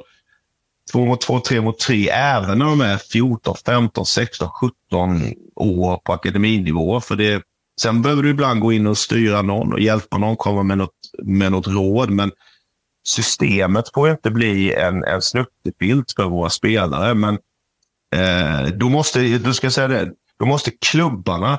För när jag, jag kan säga så här, när jag var U17-tränare mitt första år, jag åkte ur eh, eh pojkarsvenskan till mitt försvar, till vårt försvar. De gjorde om serien, så det var så jävla många lag som åkte ur. Eh, men eh, det, var, nej, det kändes ju inte bra. Och men jag tänkte så här att ja, Kalmar FF har väl inga problem med det. De visste förutsättningarna och det kom ändå fram individuellt skickliga spelare. Eh, och, men sen typ två, tre år senare så fick jag höra från dåvarande klubbchefen att ja, eh, för då hade U17 gått upp igen i högsta serien. Så ja, nu har vi fixat till det här som du ställde till med och, och, eh, och liksom var nedlåtande. Det känns så här, va? Vad fan, var det viktigt ändå. Då var resultatet, kollektiva resultatet viktigare än, än den individuella utvecklingen. Och, och jag tror många tränare känner en, en, ensamhet där. De vet att de... Och sen på mötet på måndagen efter helgens match. Ja, ni förlorar mot uh, Alingsås uh, P17. Liksom. Det vill man ju inte göra. Inget, jag vet, kan inte Alingsås nivå, men... Uh, så blir det så här. Fan, ja, men vi spelar på det här sättet. Jag spelade den spelaren i den positionen. Och, och, och, Då blir det att då bör du träna i veckorna för att vinna den matchen på helgen istället för att hur kan vi eh, jobba med att de får ta massa beslut i svåra situationer. Inte för matchen som kommer, utan för det som kommer senare i karriären. Eh, men det måste vara ett beslut från... Du måste bli uppbackad. Jag har känt att jag har varit ensam många gånger som tränare. Du måste bli uppbackad av klubben, av de som styr.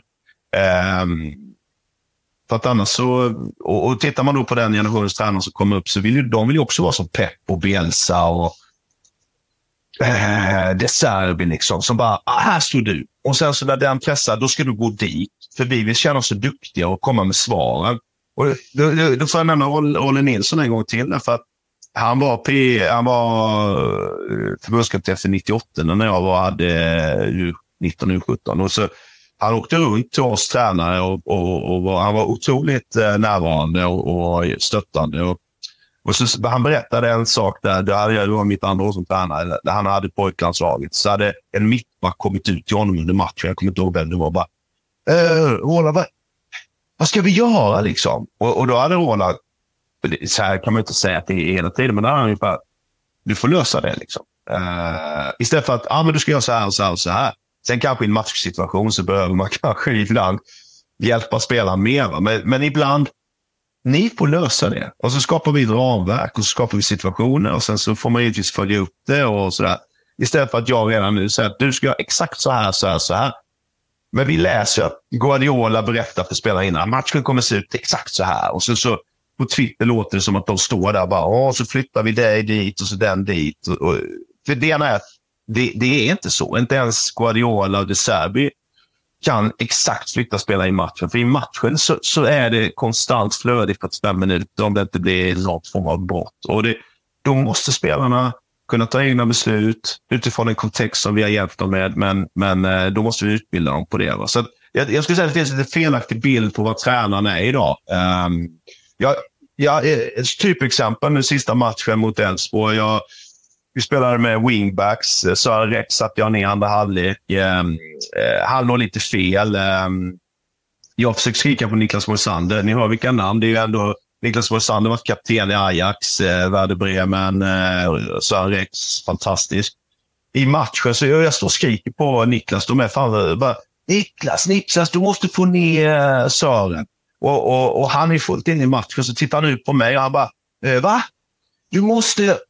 Och så tror han att jag vill att han ska göra något annat, för han är i den situationen. Så att, eh, det blir kaos. Jag typ bara, äh, äh, äh, skit i det liksom. Och så bara får man någonstans hoppas att spelarna hittar den där självorganisationen och löser det för att vi har tränat bra på det och till slut gjorde de det. Men det är lite naivt att tro att jag som tränare ska kunna i stunden göra massa saker och komma med massa lösningar på det. Eh, igen, du måste träna bra då.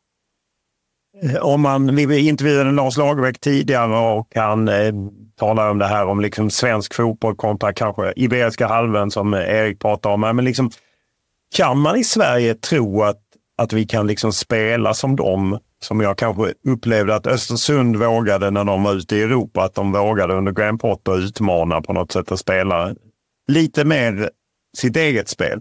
Kan man det eller kan man inte det, både när det gäller klubblag och landslag? Vad sa Lars? Ja, Lars nej, va? nej, han tyckte att det var naivt att, tro det. Eh, det är lite det att du kan då göra som, som andra svenska lag har gjort. Och så här, har vi satsat på försvarsspelet eh, och så hoppas man och det anses inte naivt. Medan du försöker kanske ta ödet i egna händer och så, så förlorar du så anses det naivt. Liksom. Var, var, var, li, lite så här, min bild och, och det Östersund och Potter gjorde tycker jag var otroligt inspirerande och, och någonting man hade med sig och har fortfarande med sig. Eh, återigen, det handlar ju såklart om att ha nyanser, men, men eh, om vi jobbar med någonting i vardagen hela tiden så, så, och har framgång med det, eh, varför ska vi göra något annat när vi sen då eh, spelar ännu viktigare och tuffare matcher? Sen som sagt, jag tror höjden på försvarsspel, att man i perioder inte har bollen lika mycket. Eh, vi kan titta på FCK som jag tycker är ett bra exempel nu när de spelar, när de spelar Europa så lite lägre försvarsspel, men de försöker fortfarande ha bollen när de har den. Liksom, det är inte så att de bara kontrar. Eh, så du måste nog ha din identitet, men då acceptera att matcherna kommer se lite annorlunda ut. Men jag ser ingen annan, annan väg. Sen har jag ju såklart funderingar på vad vi i Malmö kan göra. Det är ju skillnad liksom i kvalspelet där det blir som cupmatcher kontra när det sen är gruppspel. Men eh, där blir det ju såklart att jag måste se till att vi hittar en formation som, som gör att mina spelare kan prestera ännu bättre. Eh, för där kommer vi möta bättre spelare.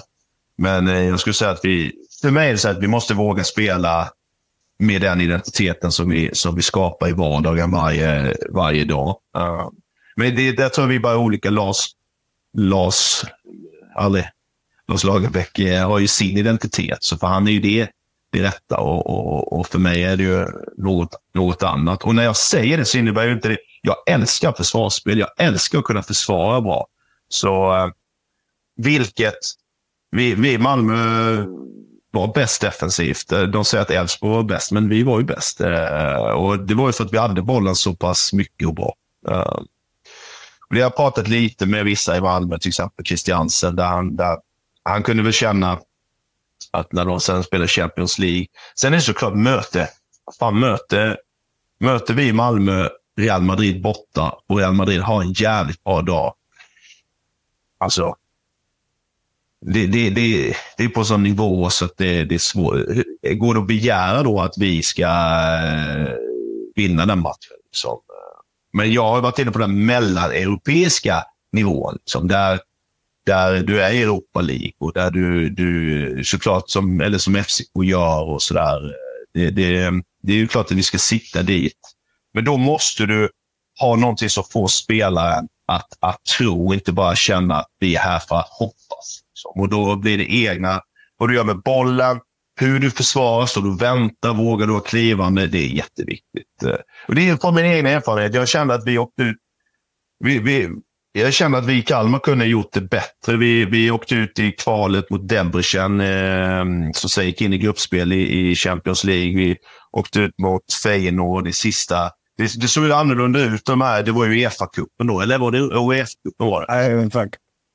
Eh, och sådär. Men vi, vi, vi hoppades liksom att de skulle vara dåliga istället för att fan, vi, vi, vi tar ödet i egna händer och sen kör vi och då, då får du ut mer. Sen kan du förlora ändå, men mer av den potentialen du har får du ut.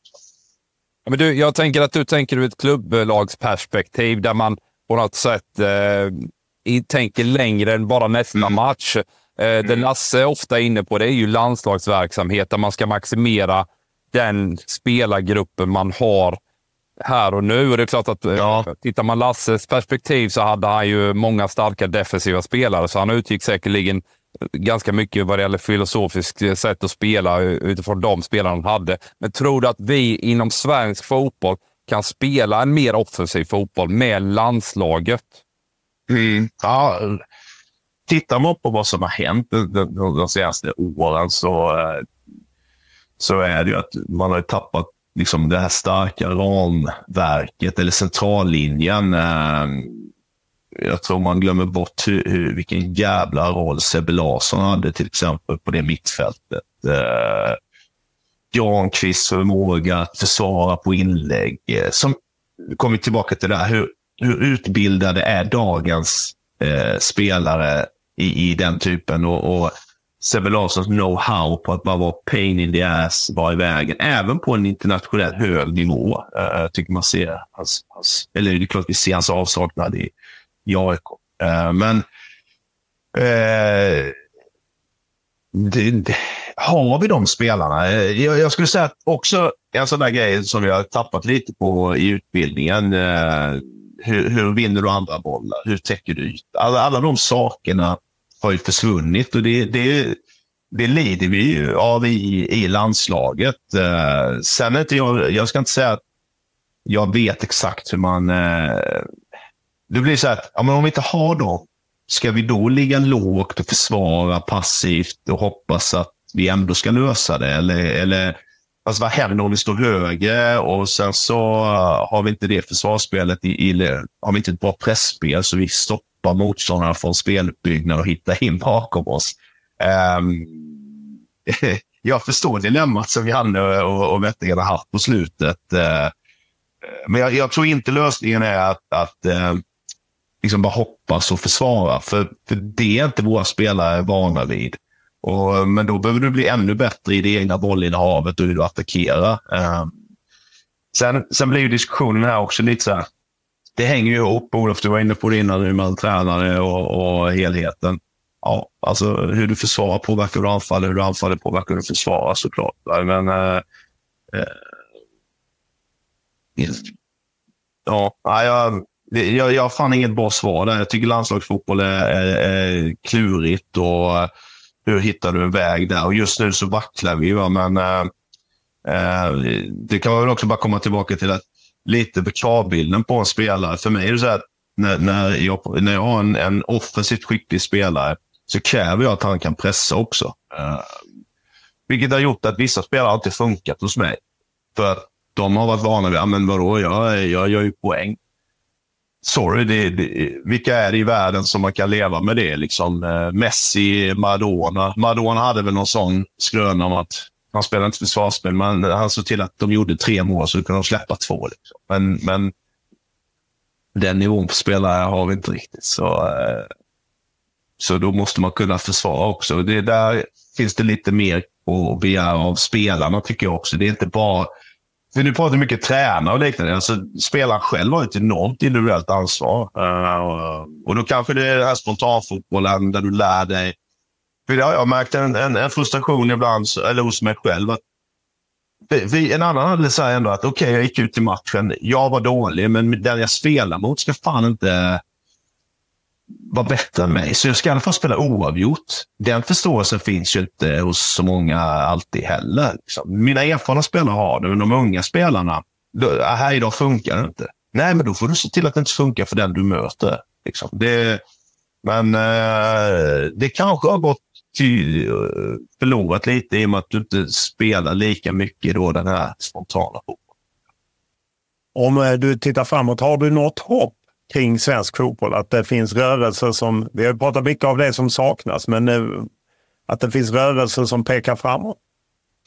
Ja, vi sitter här och pratar om de här sakerna. Jag var inne på att det, det finns en, en, eh, en, en, nyfikenhet och lust hos, hos många nya tränare till att eh, utforska. Det finns ett helt annat sätt att inspireras av, av andra länder än vad det fanns för bara 15 år sedan. Liksom 10, ja, ja, så, eh, eh, det är inte så länge sedan Malmö FF var i, i gruppspel i Champions League. Eh, och, och eh, på vägen dit gjorde det jäkligt bra. Eh.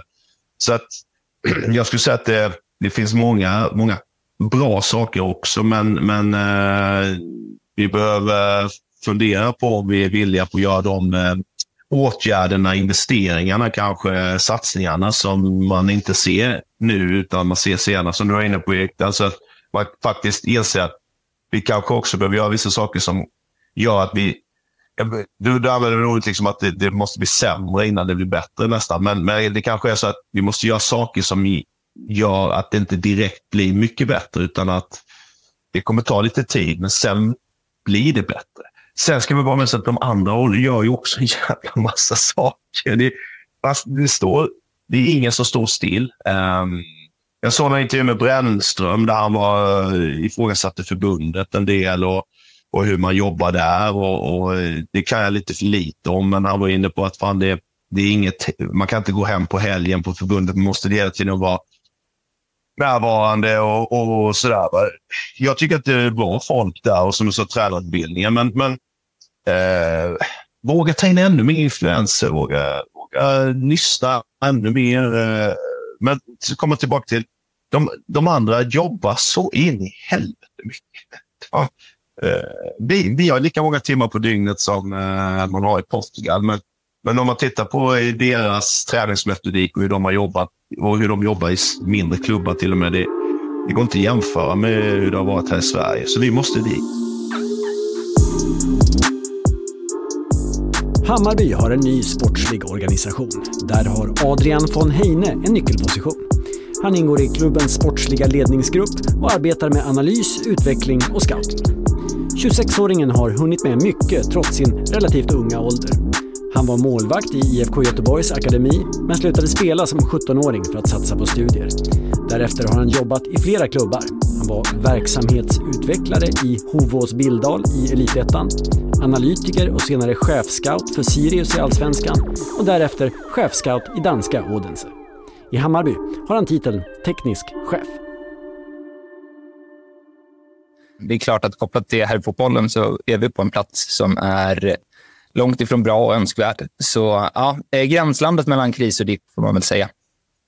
Eh, om man tittar på eh, fotbollen så påverkas ju även den av liksom trender oavsett om det är taktik eller eh, träningsmetoder. Vi har sett eh, ett inflöde av data nu senaste tio åren och liknande. Hur, när man jobbar med sådana frågor, hur identifierar man trender? Vad som är trender och vad som är kanske rätt väg att gå?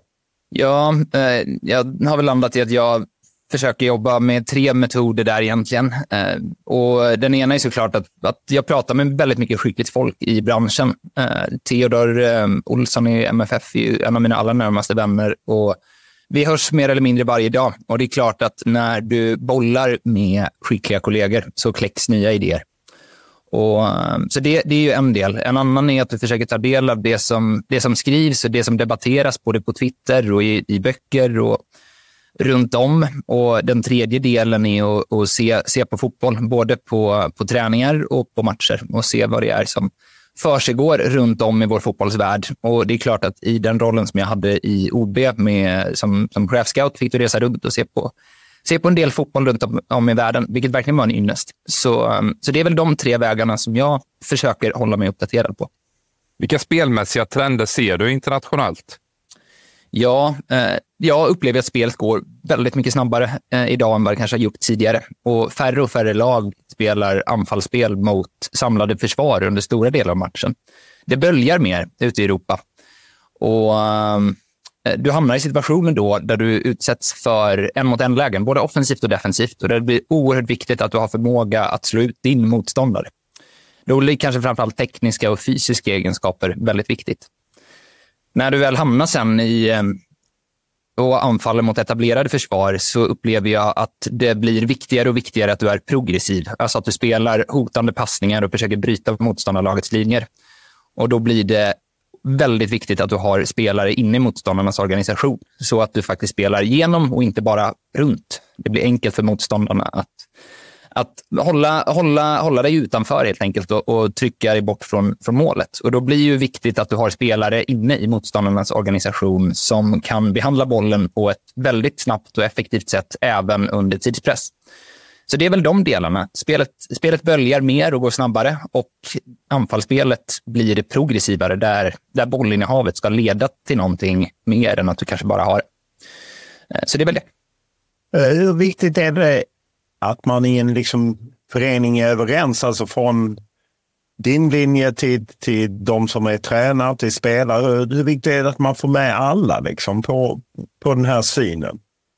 Eh, jag skulle säga att det är väldigt viktigt, kanske framför allt i en klubb som, eh, som Hammarby där vi arbetar aktivt med eh, spelarutbildning. Alltså vår akademi är mer, mer eller mindre en yrkesutbildning till, till att bli fotbollsspelare.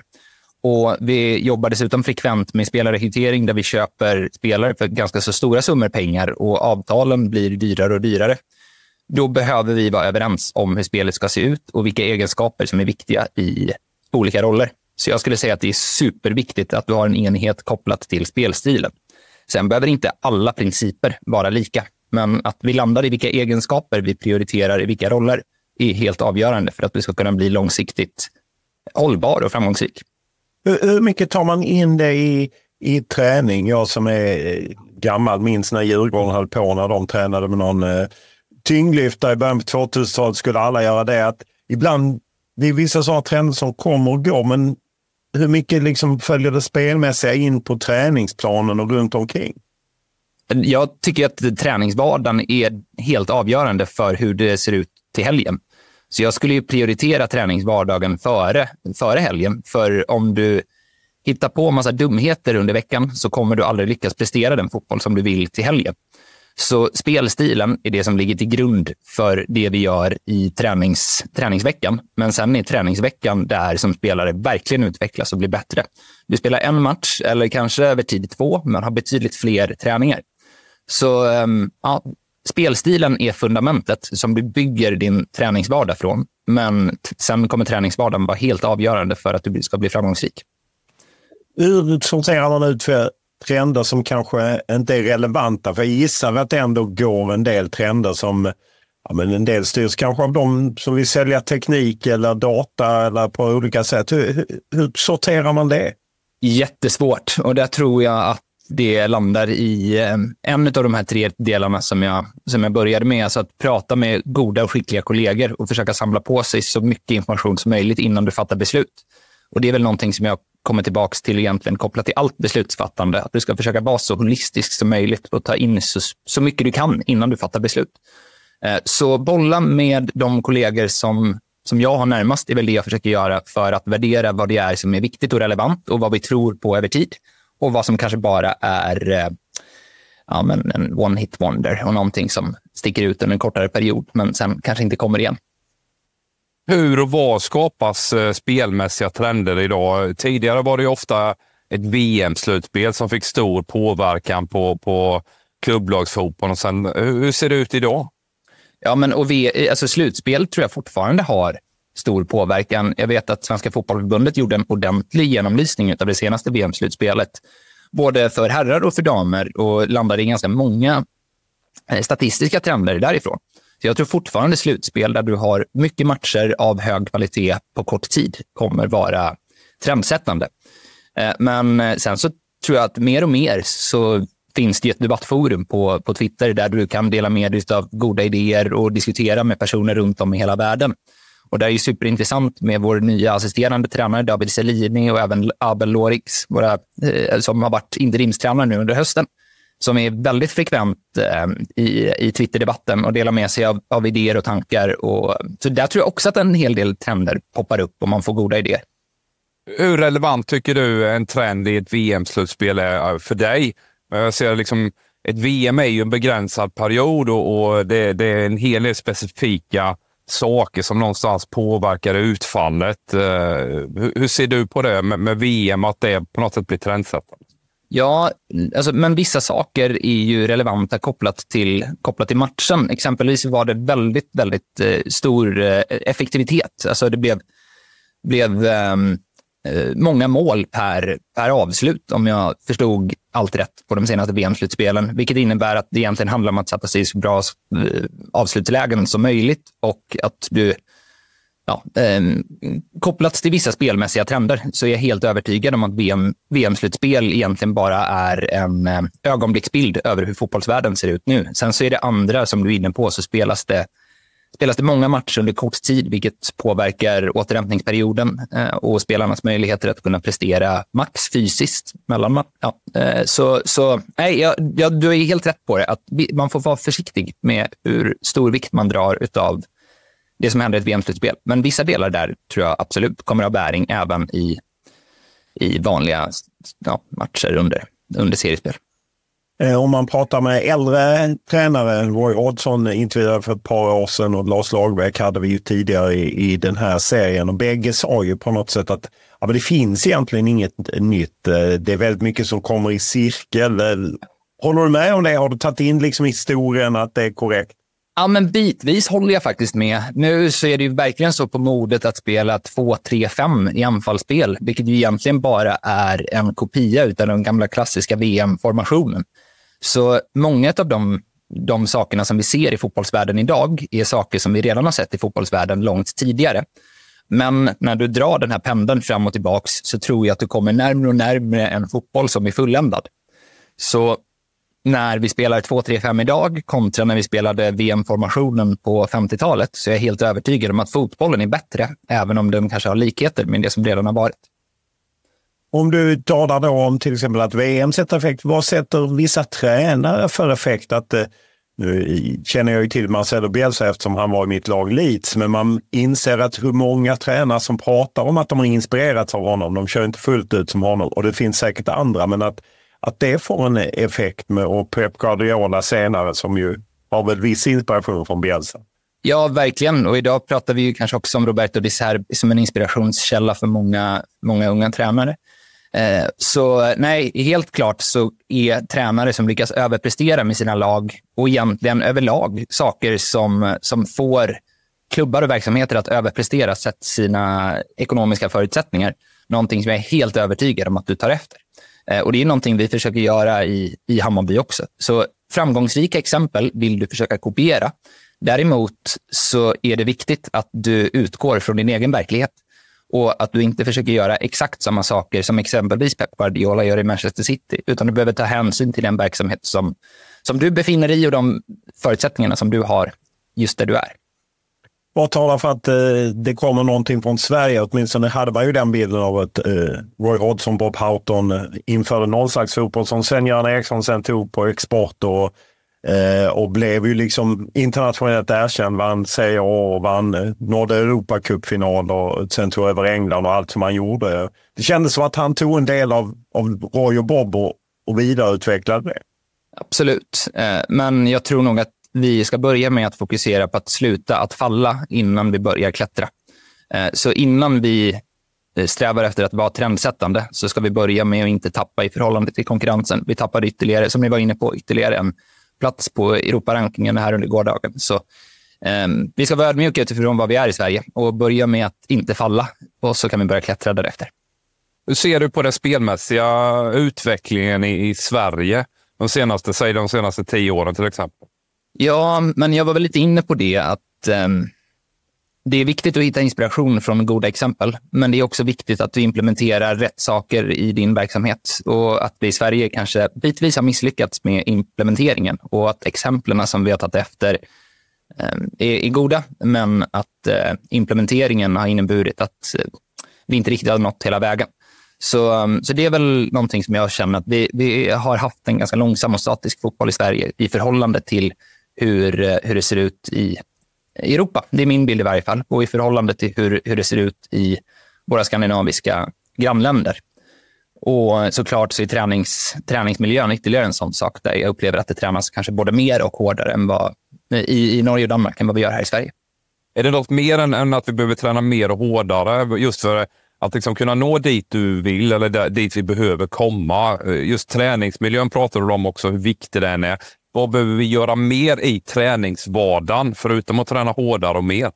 Ja, men eh, om vi tittar neråt i åldrarna så blir ju såklart faciliteter en oerhört viktig del. Att du har eh, planytor att träna på och kan träna på eh, relevanta storlekar på planer. Är det så att du vill ha att fotbollen är mer böljande, men du kan inte träna på stora ytor, så det är klart att det är svårt att förbereda dig för för matchen och använda matchen som en förlängning av träningsveckan. Om du bara tränar på fjärdedels plan och sen så ska du spela på, på full plan, det blir liksom svårt att träna matchlikt.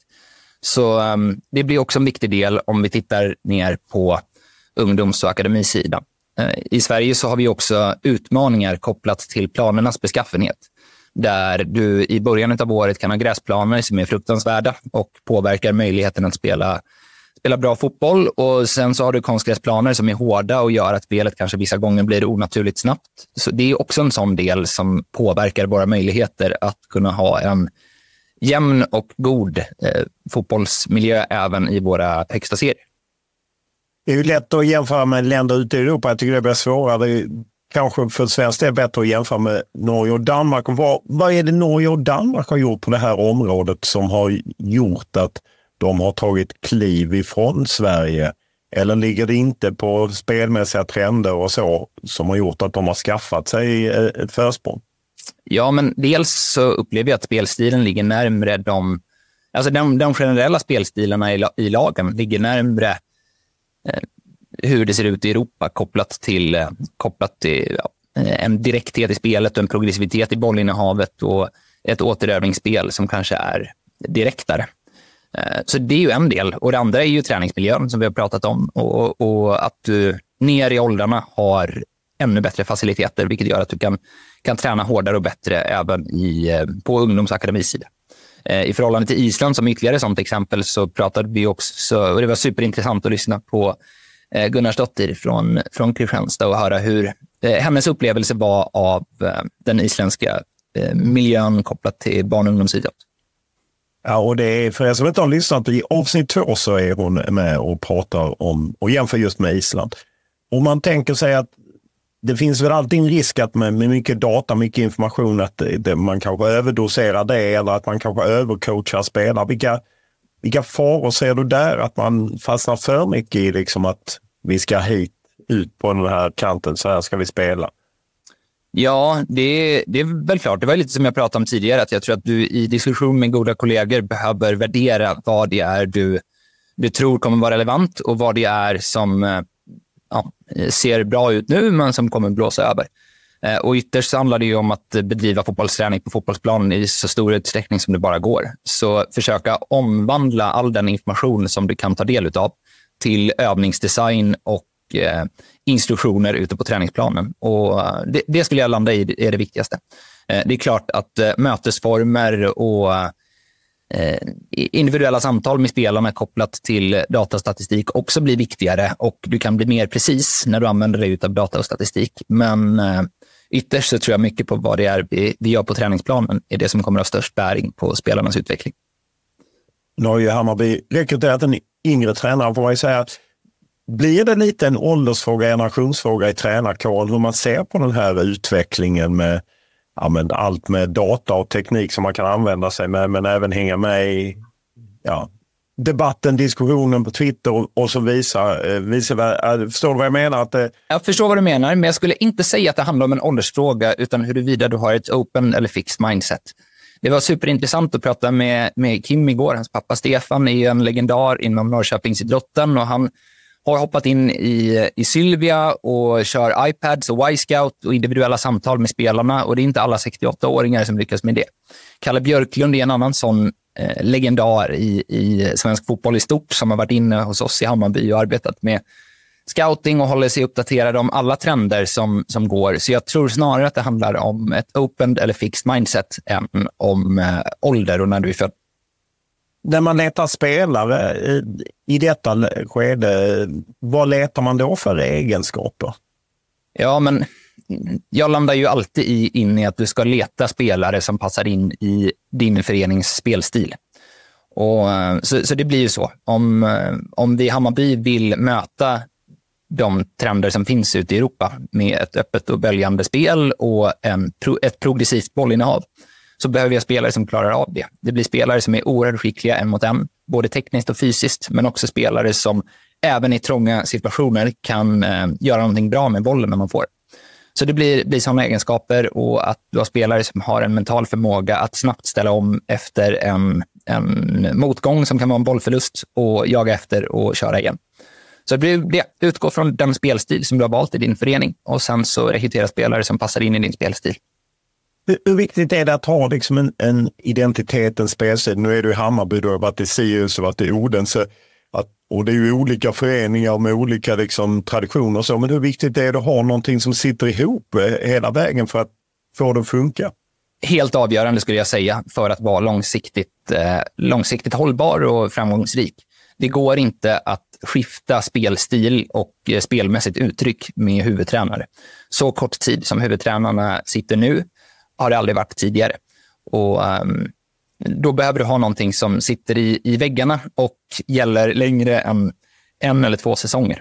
Så helt avgörande för att du ska kunna utbilda och utveckla spelare i akademin som har goda möjligheter att faktiskt göra avtryck i representationslagen och för att du ska kunna rekrytera spelare som har längre brintid än bara den huvudtränare som är i din förening för stunden. Upplever du att den trenden om, eh, som ju har varit tydlig de senaste 10-15 åren, att eh, huvudtränare är kortare och kortare, på något sätt har makten hamnat någon annanstans i föreningen. Om det var kanske tränaren som bestämde mer förr så är det ju inte så numera. Jag tycker det har varit intressant att följa Noah Bachners diskussioner där det först var en diskussion mellan spelarstyrda och tränarstyrda verksamheter till att det nu kanske går mer mot från tränarstyrda till klubbstyrda. Och ytterst så är vi många personer i en fotbollsförening som har nyckelroller i att säkra både kortsiktig och långsiktig framgång. Och huvudtränaren är en av dem såklart, men vi är fler. Så absolut, jag skulle säga att det är viktigt att det är föreningen som driver möjligheten att nå sin framgång snarare än en eller två personer. Och Det kan vara andra personer i en verksamhet som också blir för, för tunga och för viktiga. Du kommer alltid ha, ha personer som färgar och gör stor skillnad, men du behöver ha en struktur och en organisation som gör att du inte är beroende av att en person har förmåga att fortsätta driva på utvecklingen, utan du behöver vara fler.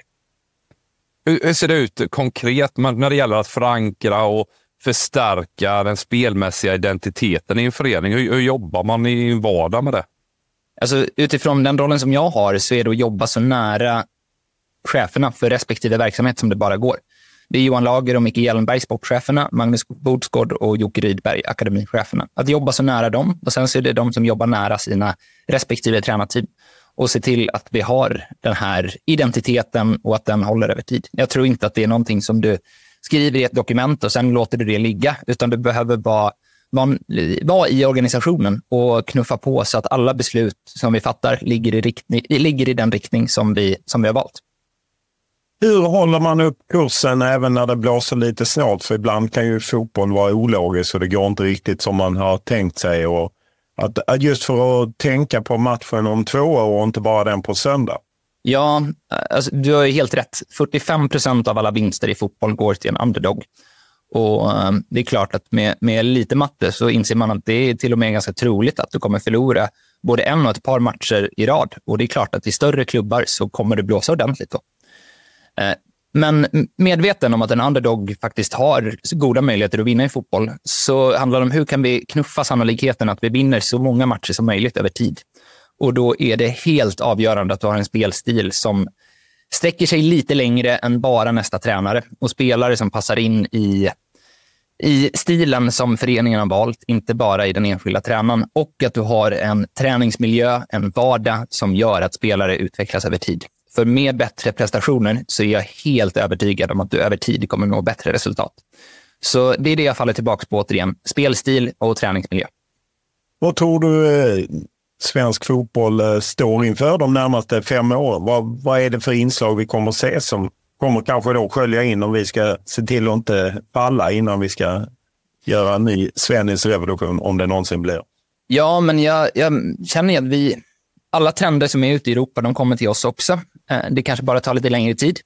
Och då tror jag att fotbollen kommer bli mer och mer böljande. Jag tycker det har varit intressant att se, eh, se Henrik, Theo och Martin i Malmö FF med det relationistiska inslag som de har i sin spelstil. Som för närvarande är stort i Sydamerika, men det är säkert någonting som kommer komma mer och mer till Sverige också. Eh, så, ehm, kan du konkretisera vad det är för de som inte hänger på Twitter och läser taktiktrådar? Ja, absolut. Um, alltså, positional play handlar i grund och botten om att du utgår från, från en position och en yta, medan relationism kanske snarare handlar om att du förhåller dig till dina medspelare och kan skapa eh, övertag på, i olika delar av planen, vilket gör att spelare kanske förflyttar sig mer från sina positioner än vad som är brukligt. Eh, så det har varit väldigt intressant att, att, följa lite grann från utsidan under den här säsongen. Och, ehm, Ehm, ja, det är inte, inte bara MFF som gör det här, utan det är många andra klubbar ute i, i Europa och kanske framförallt i, i Sydamerika som, som pysslar med det. Det har varit jättespännande att följa som sagt. Så det är ju en del som jag tror kommer kunna eh, synas i fler verksamheter över tid. Den fotbollen som du pratar om som Malmö har stått för, en del av den kritiken som har kommit är ju just det här att det har gått ganska långsamt i, i Malmös sätt att spela och du pratar om att det ska gå ännu snabbare. Men, men du tänker ändå att relationism kommer influera fler svenska tränare och fler svenska spelsätt? Ja, alltså ytterst så handlar det ju om, vi var inne på vad är det som gör att du når framgång? Och Malmö FF har ju uppenbarligen nått framgång. De har vunnit. Eh, och jag upplever också att de har stått för en progressiv fotboll där de har ett bollinnehav som bryter linjer och genom att positionera många spelare inne i motståndarnas organisation så har de en förmåga att spela genom lagdelar. Eh, och därutöver då isolerat ytterst skickliga spelare brett för att kunna skapa en mot en situationer där Tal exempelvis haft väldigt stor effekt. Eh, så jag tycker att många av de delarna som jag pratar om har Malmö FF inslag i, men kanske då ett bollinnehav som är högre hos dem, vilket skulle kunna innebära att det upplevs som lite långsamt vissa gånger, men det tänker jag kanske närmast knyter an till att det är en försvarsmetod att ha bollen för MFF. Att de använder bollen för att undvika att låta motståndaren skapa målchanser och göra mål. Eh, alla som är eh, lika gamla som jag eller till och med äldre eh, pratar ju liksom om den debatt där det var spelstilar som stod mot varandra. Lars Laban Arnesson stod på den tyska och så då den engelska importen med Roy Hodgson Bob Houghton. Finns den här debatten i, i Sverige mellan er så att säga som är mer initierade än snittet så att säga? Ja, så att den förs på något annat sätt? Eller finns inte den diskussionen riktigt? Jag hade älskat om det blir ännu mer diskussion kring det här och jag tror att vi har så mycket utav att vinna på att spelstilar i våra lag eh, i allsvenskan sticker ut från varandra. Så eh, jag hade älskat om det blir mer debatt och mer diskussioner om det här i tv-studior och i, eh, i poddar under veckorna och gärna mellan, mellan skickliga tränare som verkligen får testa sina idéer. Och ehm, med olika spelstilar så tror jag också att det blir roligare fotbollsmatcher och eh, att du har spelare i Sverige som passar in på olika ställen. Att du har vissa egenskaper som kanske inte lämpar sig perfekt i en miljö, men som skulle kunna ha jättestor effekt i en annan. Eh, så ehm, ja, jag hade, hade verkligen tyckt om om det blir ännu mer debatt kring, ehm, kring spelstilar, men kanske inte landa i vilken spelstil som är bäst, utan snarare hur, hur du kan dra pendeln och göra din spelstil så bra som möjligt och nå framgång genom den. Och sen så blir det intressant hur motståndarna tacklar den spelstil som du har och eh, på sitt sätt kan nå framgång. Så ja, maxa möjligheterna att vinna, men genom din egen spelstil.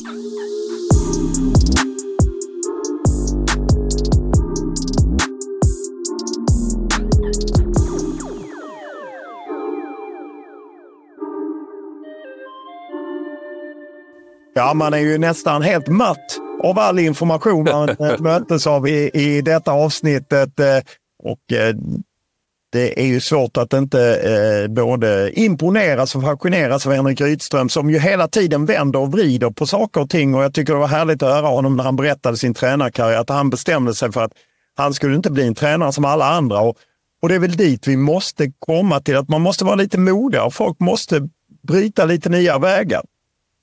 Ja, verkligen. Och han tar ju upp eh, en rad exempel på, framförallt då under den här tiden som akademiansvarig eller akademitränare. var väl både U17 och U19 om jag minns rätt här. Eh, där, där han nämner just eh, flera konkreta exempel. Eh, hur han ville göra och föreningen kanske inte riktigt var mogen för att ta in alla de in, impulser och influenser och tankar som han hade. Där, där Kalmar stod för en viss typ av fotboll och Henrik för en annan. Ja, och framförallt det här liksom det som ju både Henrik Rydström och även eh, Adrian von Heine är inne på. Ja, men liksom den konstanta kampen mellan kortsiktigheten och långsiktigheten. Jag menar, det, det är ju, nu blir det kanske elakt för Kalmar, men det blir ju de som lite eftersom Henrik tar upp det, men där en konstgräsplan för ett par miljoner så att man kunde köra hårt kontra att värva en back för att styrelsen jagar sin legacy så att säga. Man vill ha framgångar eller eh, att man på andra sätt, eh, jag tyckte det var intressant när han tog upp det med Sirius också, att utåt sett, vi jagar Europa, men internt pratade man om att ge unga spelare chanser. Jag minns så väl den hösten när det började gå dåligt eh, för Sirius och en del pekade på att, eh, att det var sämre. Så att jag tycker, eh, och även när han åkte ur eh, eh pojkarsvenskan med, med Kalmar, liksom att, eh, att det kollektiva resultatet konstigt nog blev viktigare än att ta fram unga spelare. Att det, istället börjar man då som akademitränare börja träna för att vinna helgens match mot Alingsås snarare än att utveckla och utbilda spelare. Och det är ju, måste ju vara fel väg, eller? Ja, absolut. Det där tror jag är eh, ofta förekommande i eh, elitklubbar idag, där man stressas av en tabellplacering på ungdomsnivå. Det enda som är relevant på ungdomsnivå, det är ju att, att få fram spelare till A-truppen. Och då behöver man ju utveckla dem och han är ju inne på det på, på flera olika sätt här under intervjun. Hur mäter vi framgång? Det här Sirius-exemplet är ju ett exempel hur de resonerar för att förbereda unga spelare inför nästa säsong. Så att de här sista sju matcherna, invester, tanken var ju att investera speltid i unga spelare så att man är, är längre fram till året efter så att säga. Och då tappar man såklart en och annan poäng. Och det, det är just, just det här, hur mäter man framgång? Är tabellen det enda som, som betyder någonting?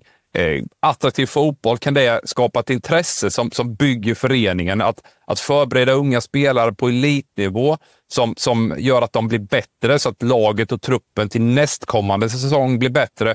Och kanske då också i förlängning att kan man förbereda dem för en försäljning så att man får in kapital till, till föreningen. Det finns ju många olika parametrar som betyder något för föreningens utveckling, inte bara tabellplaceringen.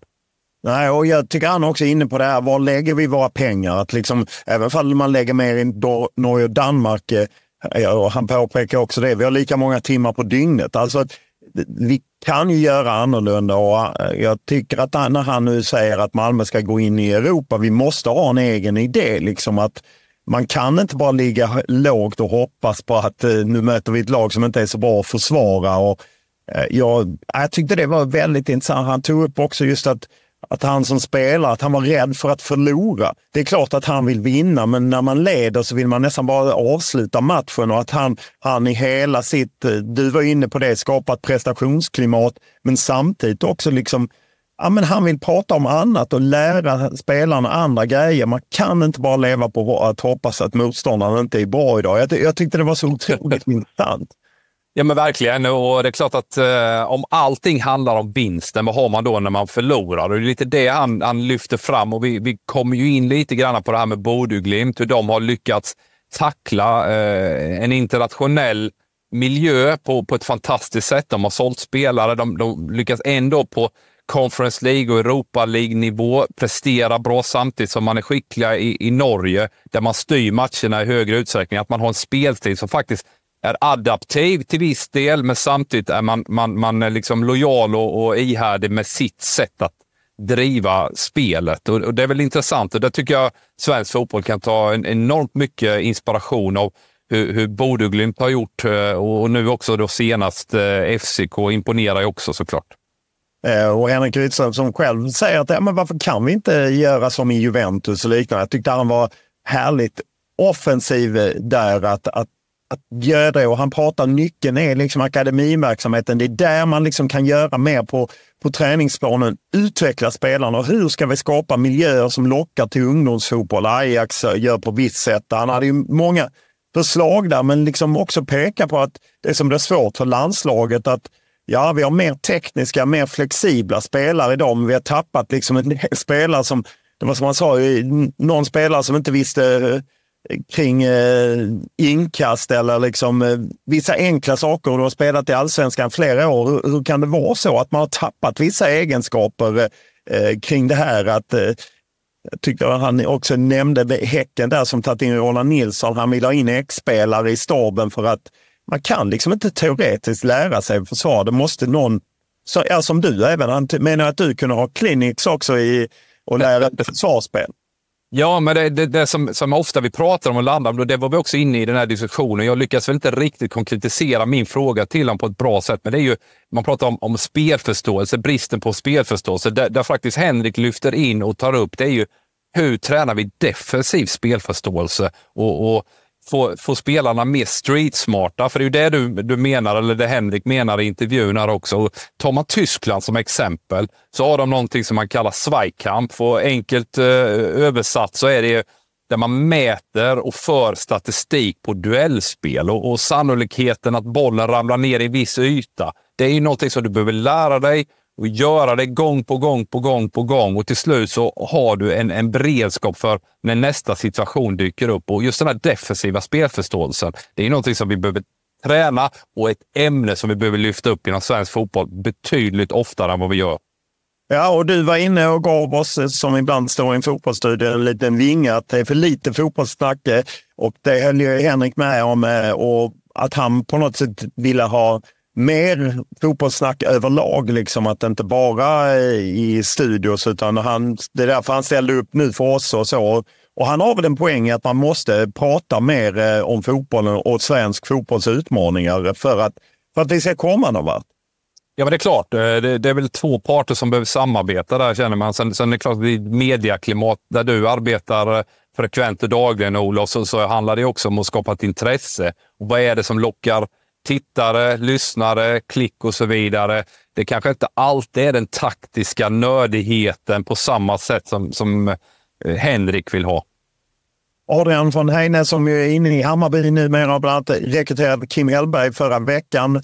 Tycker också det, ja, men han gav oss liksom eh, den här bilden av att fotbollen går mycket snabbare, det böljar mer och mer. Man måste vara bättre på en mot en.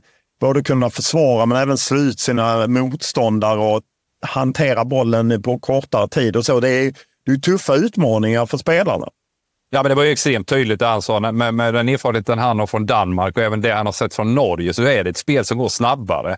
Eh, där vi har en för långsam och för statisk fotboll. Det gör också att våra spelare inte blir lika attraktiva för utländska klubbar i samma utsträckning som kanske Norge och Danmark har anammat i sitt sätt att spela. Men, men det han lyfter också, det är ju träningsmiljön då. Har vi då tre lag på samma plan, det är klart att då är det inte så lätt att ta maxlöpningar på 60-70 meter, defensiva omställning eh, och, och, så vidare. Så du behöver, ha, du behöver ha förutsättningar och skapa förutsättningar för att ha ett lag på en helplan så att du utsätts för de typerna av situationer i träning som sker i match.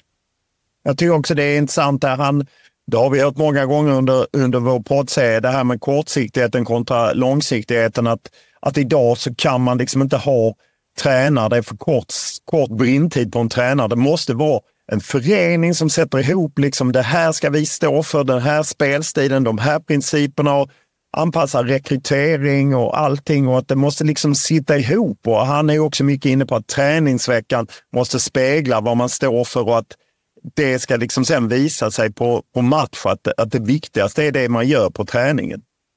Ja, och det är ju det jag nämner just med tränare som har kortare brintid. Det, det är väl ganska tydliga exempel som finns i svensk fotboll där, där klubbar har bytt tränare och framförallt tränare som står för olika saker, som ärver en spelartrupp med spelare som då inte passar in i det systemet, blir ekonomiskt ohållbart Och, och spelmässigt och, och prestationsmässigt når man ju inte heller upp till maximal potential när du byter från en typ av tränare till en helt annan.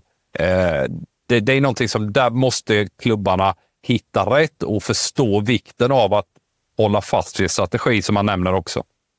Ja, och eh, han pratade ju även om hur man följer debatten eh, via Twitter eller liksom VM-slutspels betydelse eller vissa personer och så. Och, eh, han är också tydlig med att i svensk fotboll så vi måste sluta falla, det vill säga i ranken, inte tappa mer till konkurrenterna och att liksom Ja, men de tränar mer och hårdare i Norge och Danmark och, och, och, det är klart att det är lite tufft, men det är bra ändå att höra sanningen att det här måste man lyfta.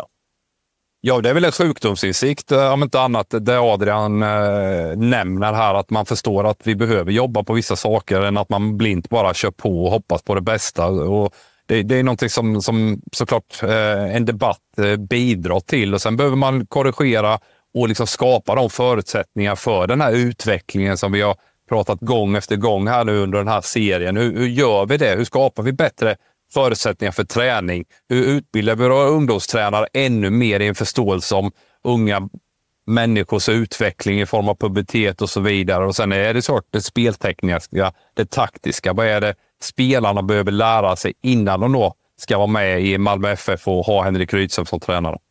Ja, det här var avsnitt 13, taktik, träning och trender. Som sagt 12 tidigare avsnitt. Om ni inte har lyssnat, bara gå tillbaka. Finns på Fotbollskanalen på alla ställen där det är poddar. Och vi tar gärna emot er lite tankar, synpunkter. Eh, hör av er på eh, antingen X, Twitter, där både jag och Erik Edman finns, eller till mig på mejlledes olof.lund.tv4.se.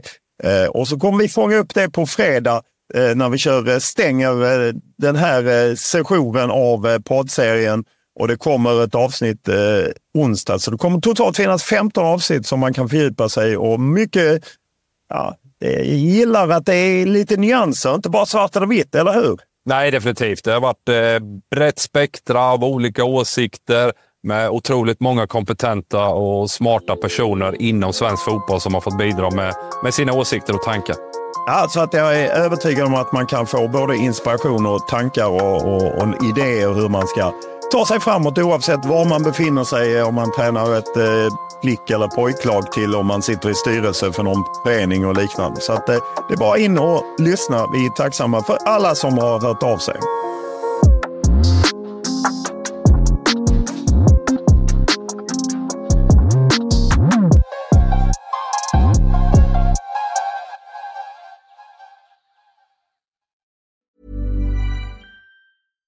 Mom deserves the best, and there's no better place to shop for Mother's Day than Whole Foods Market. They're your destination for unbeatable savings, from premium gifts to show-stopping flowers and irresistible desserts. Start by saving 33% with Prime on all body care and candles. Then get a 15-stem bunch of tulips for just $9.99 each with Prime. Round out Mom's menu with festive rosé, irresistible berry chantilly cake, and more special treats. Come celebrate Mother's Day at Whole Foods Market. When you need mealtime inspiration, it's worth shopping Kroger, where you'll find over 30,000 mouthwatering choices that excite your inner foodie. And no matter what tasty choice you make, you'll enjoy our everyday low prices, plus extra ways to save, like digital coupons worth over $600 each week. You can also save up to $1 off per gallon at the pump with fuel points. More savings and more inspiring flavors make shopping Kroger worth it every time. Kroger, fresh for everyone. Fuel restrictions apply.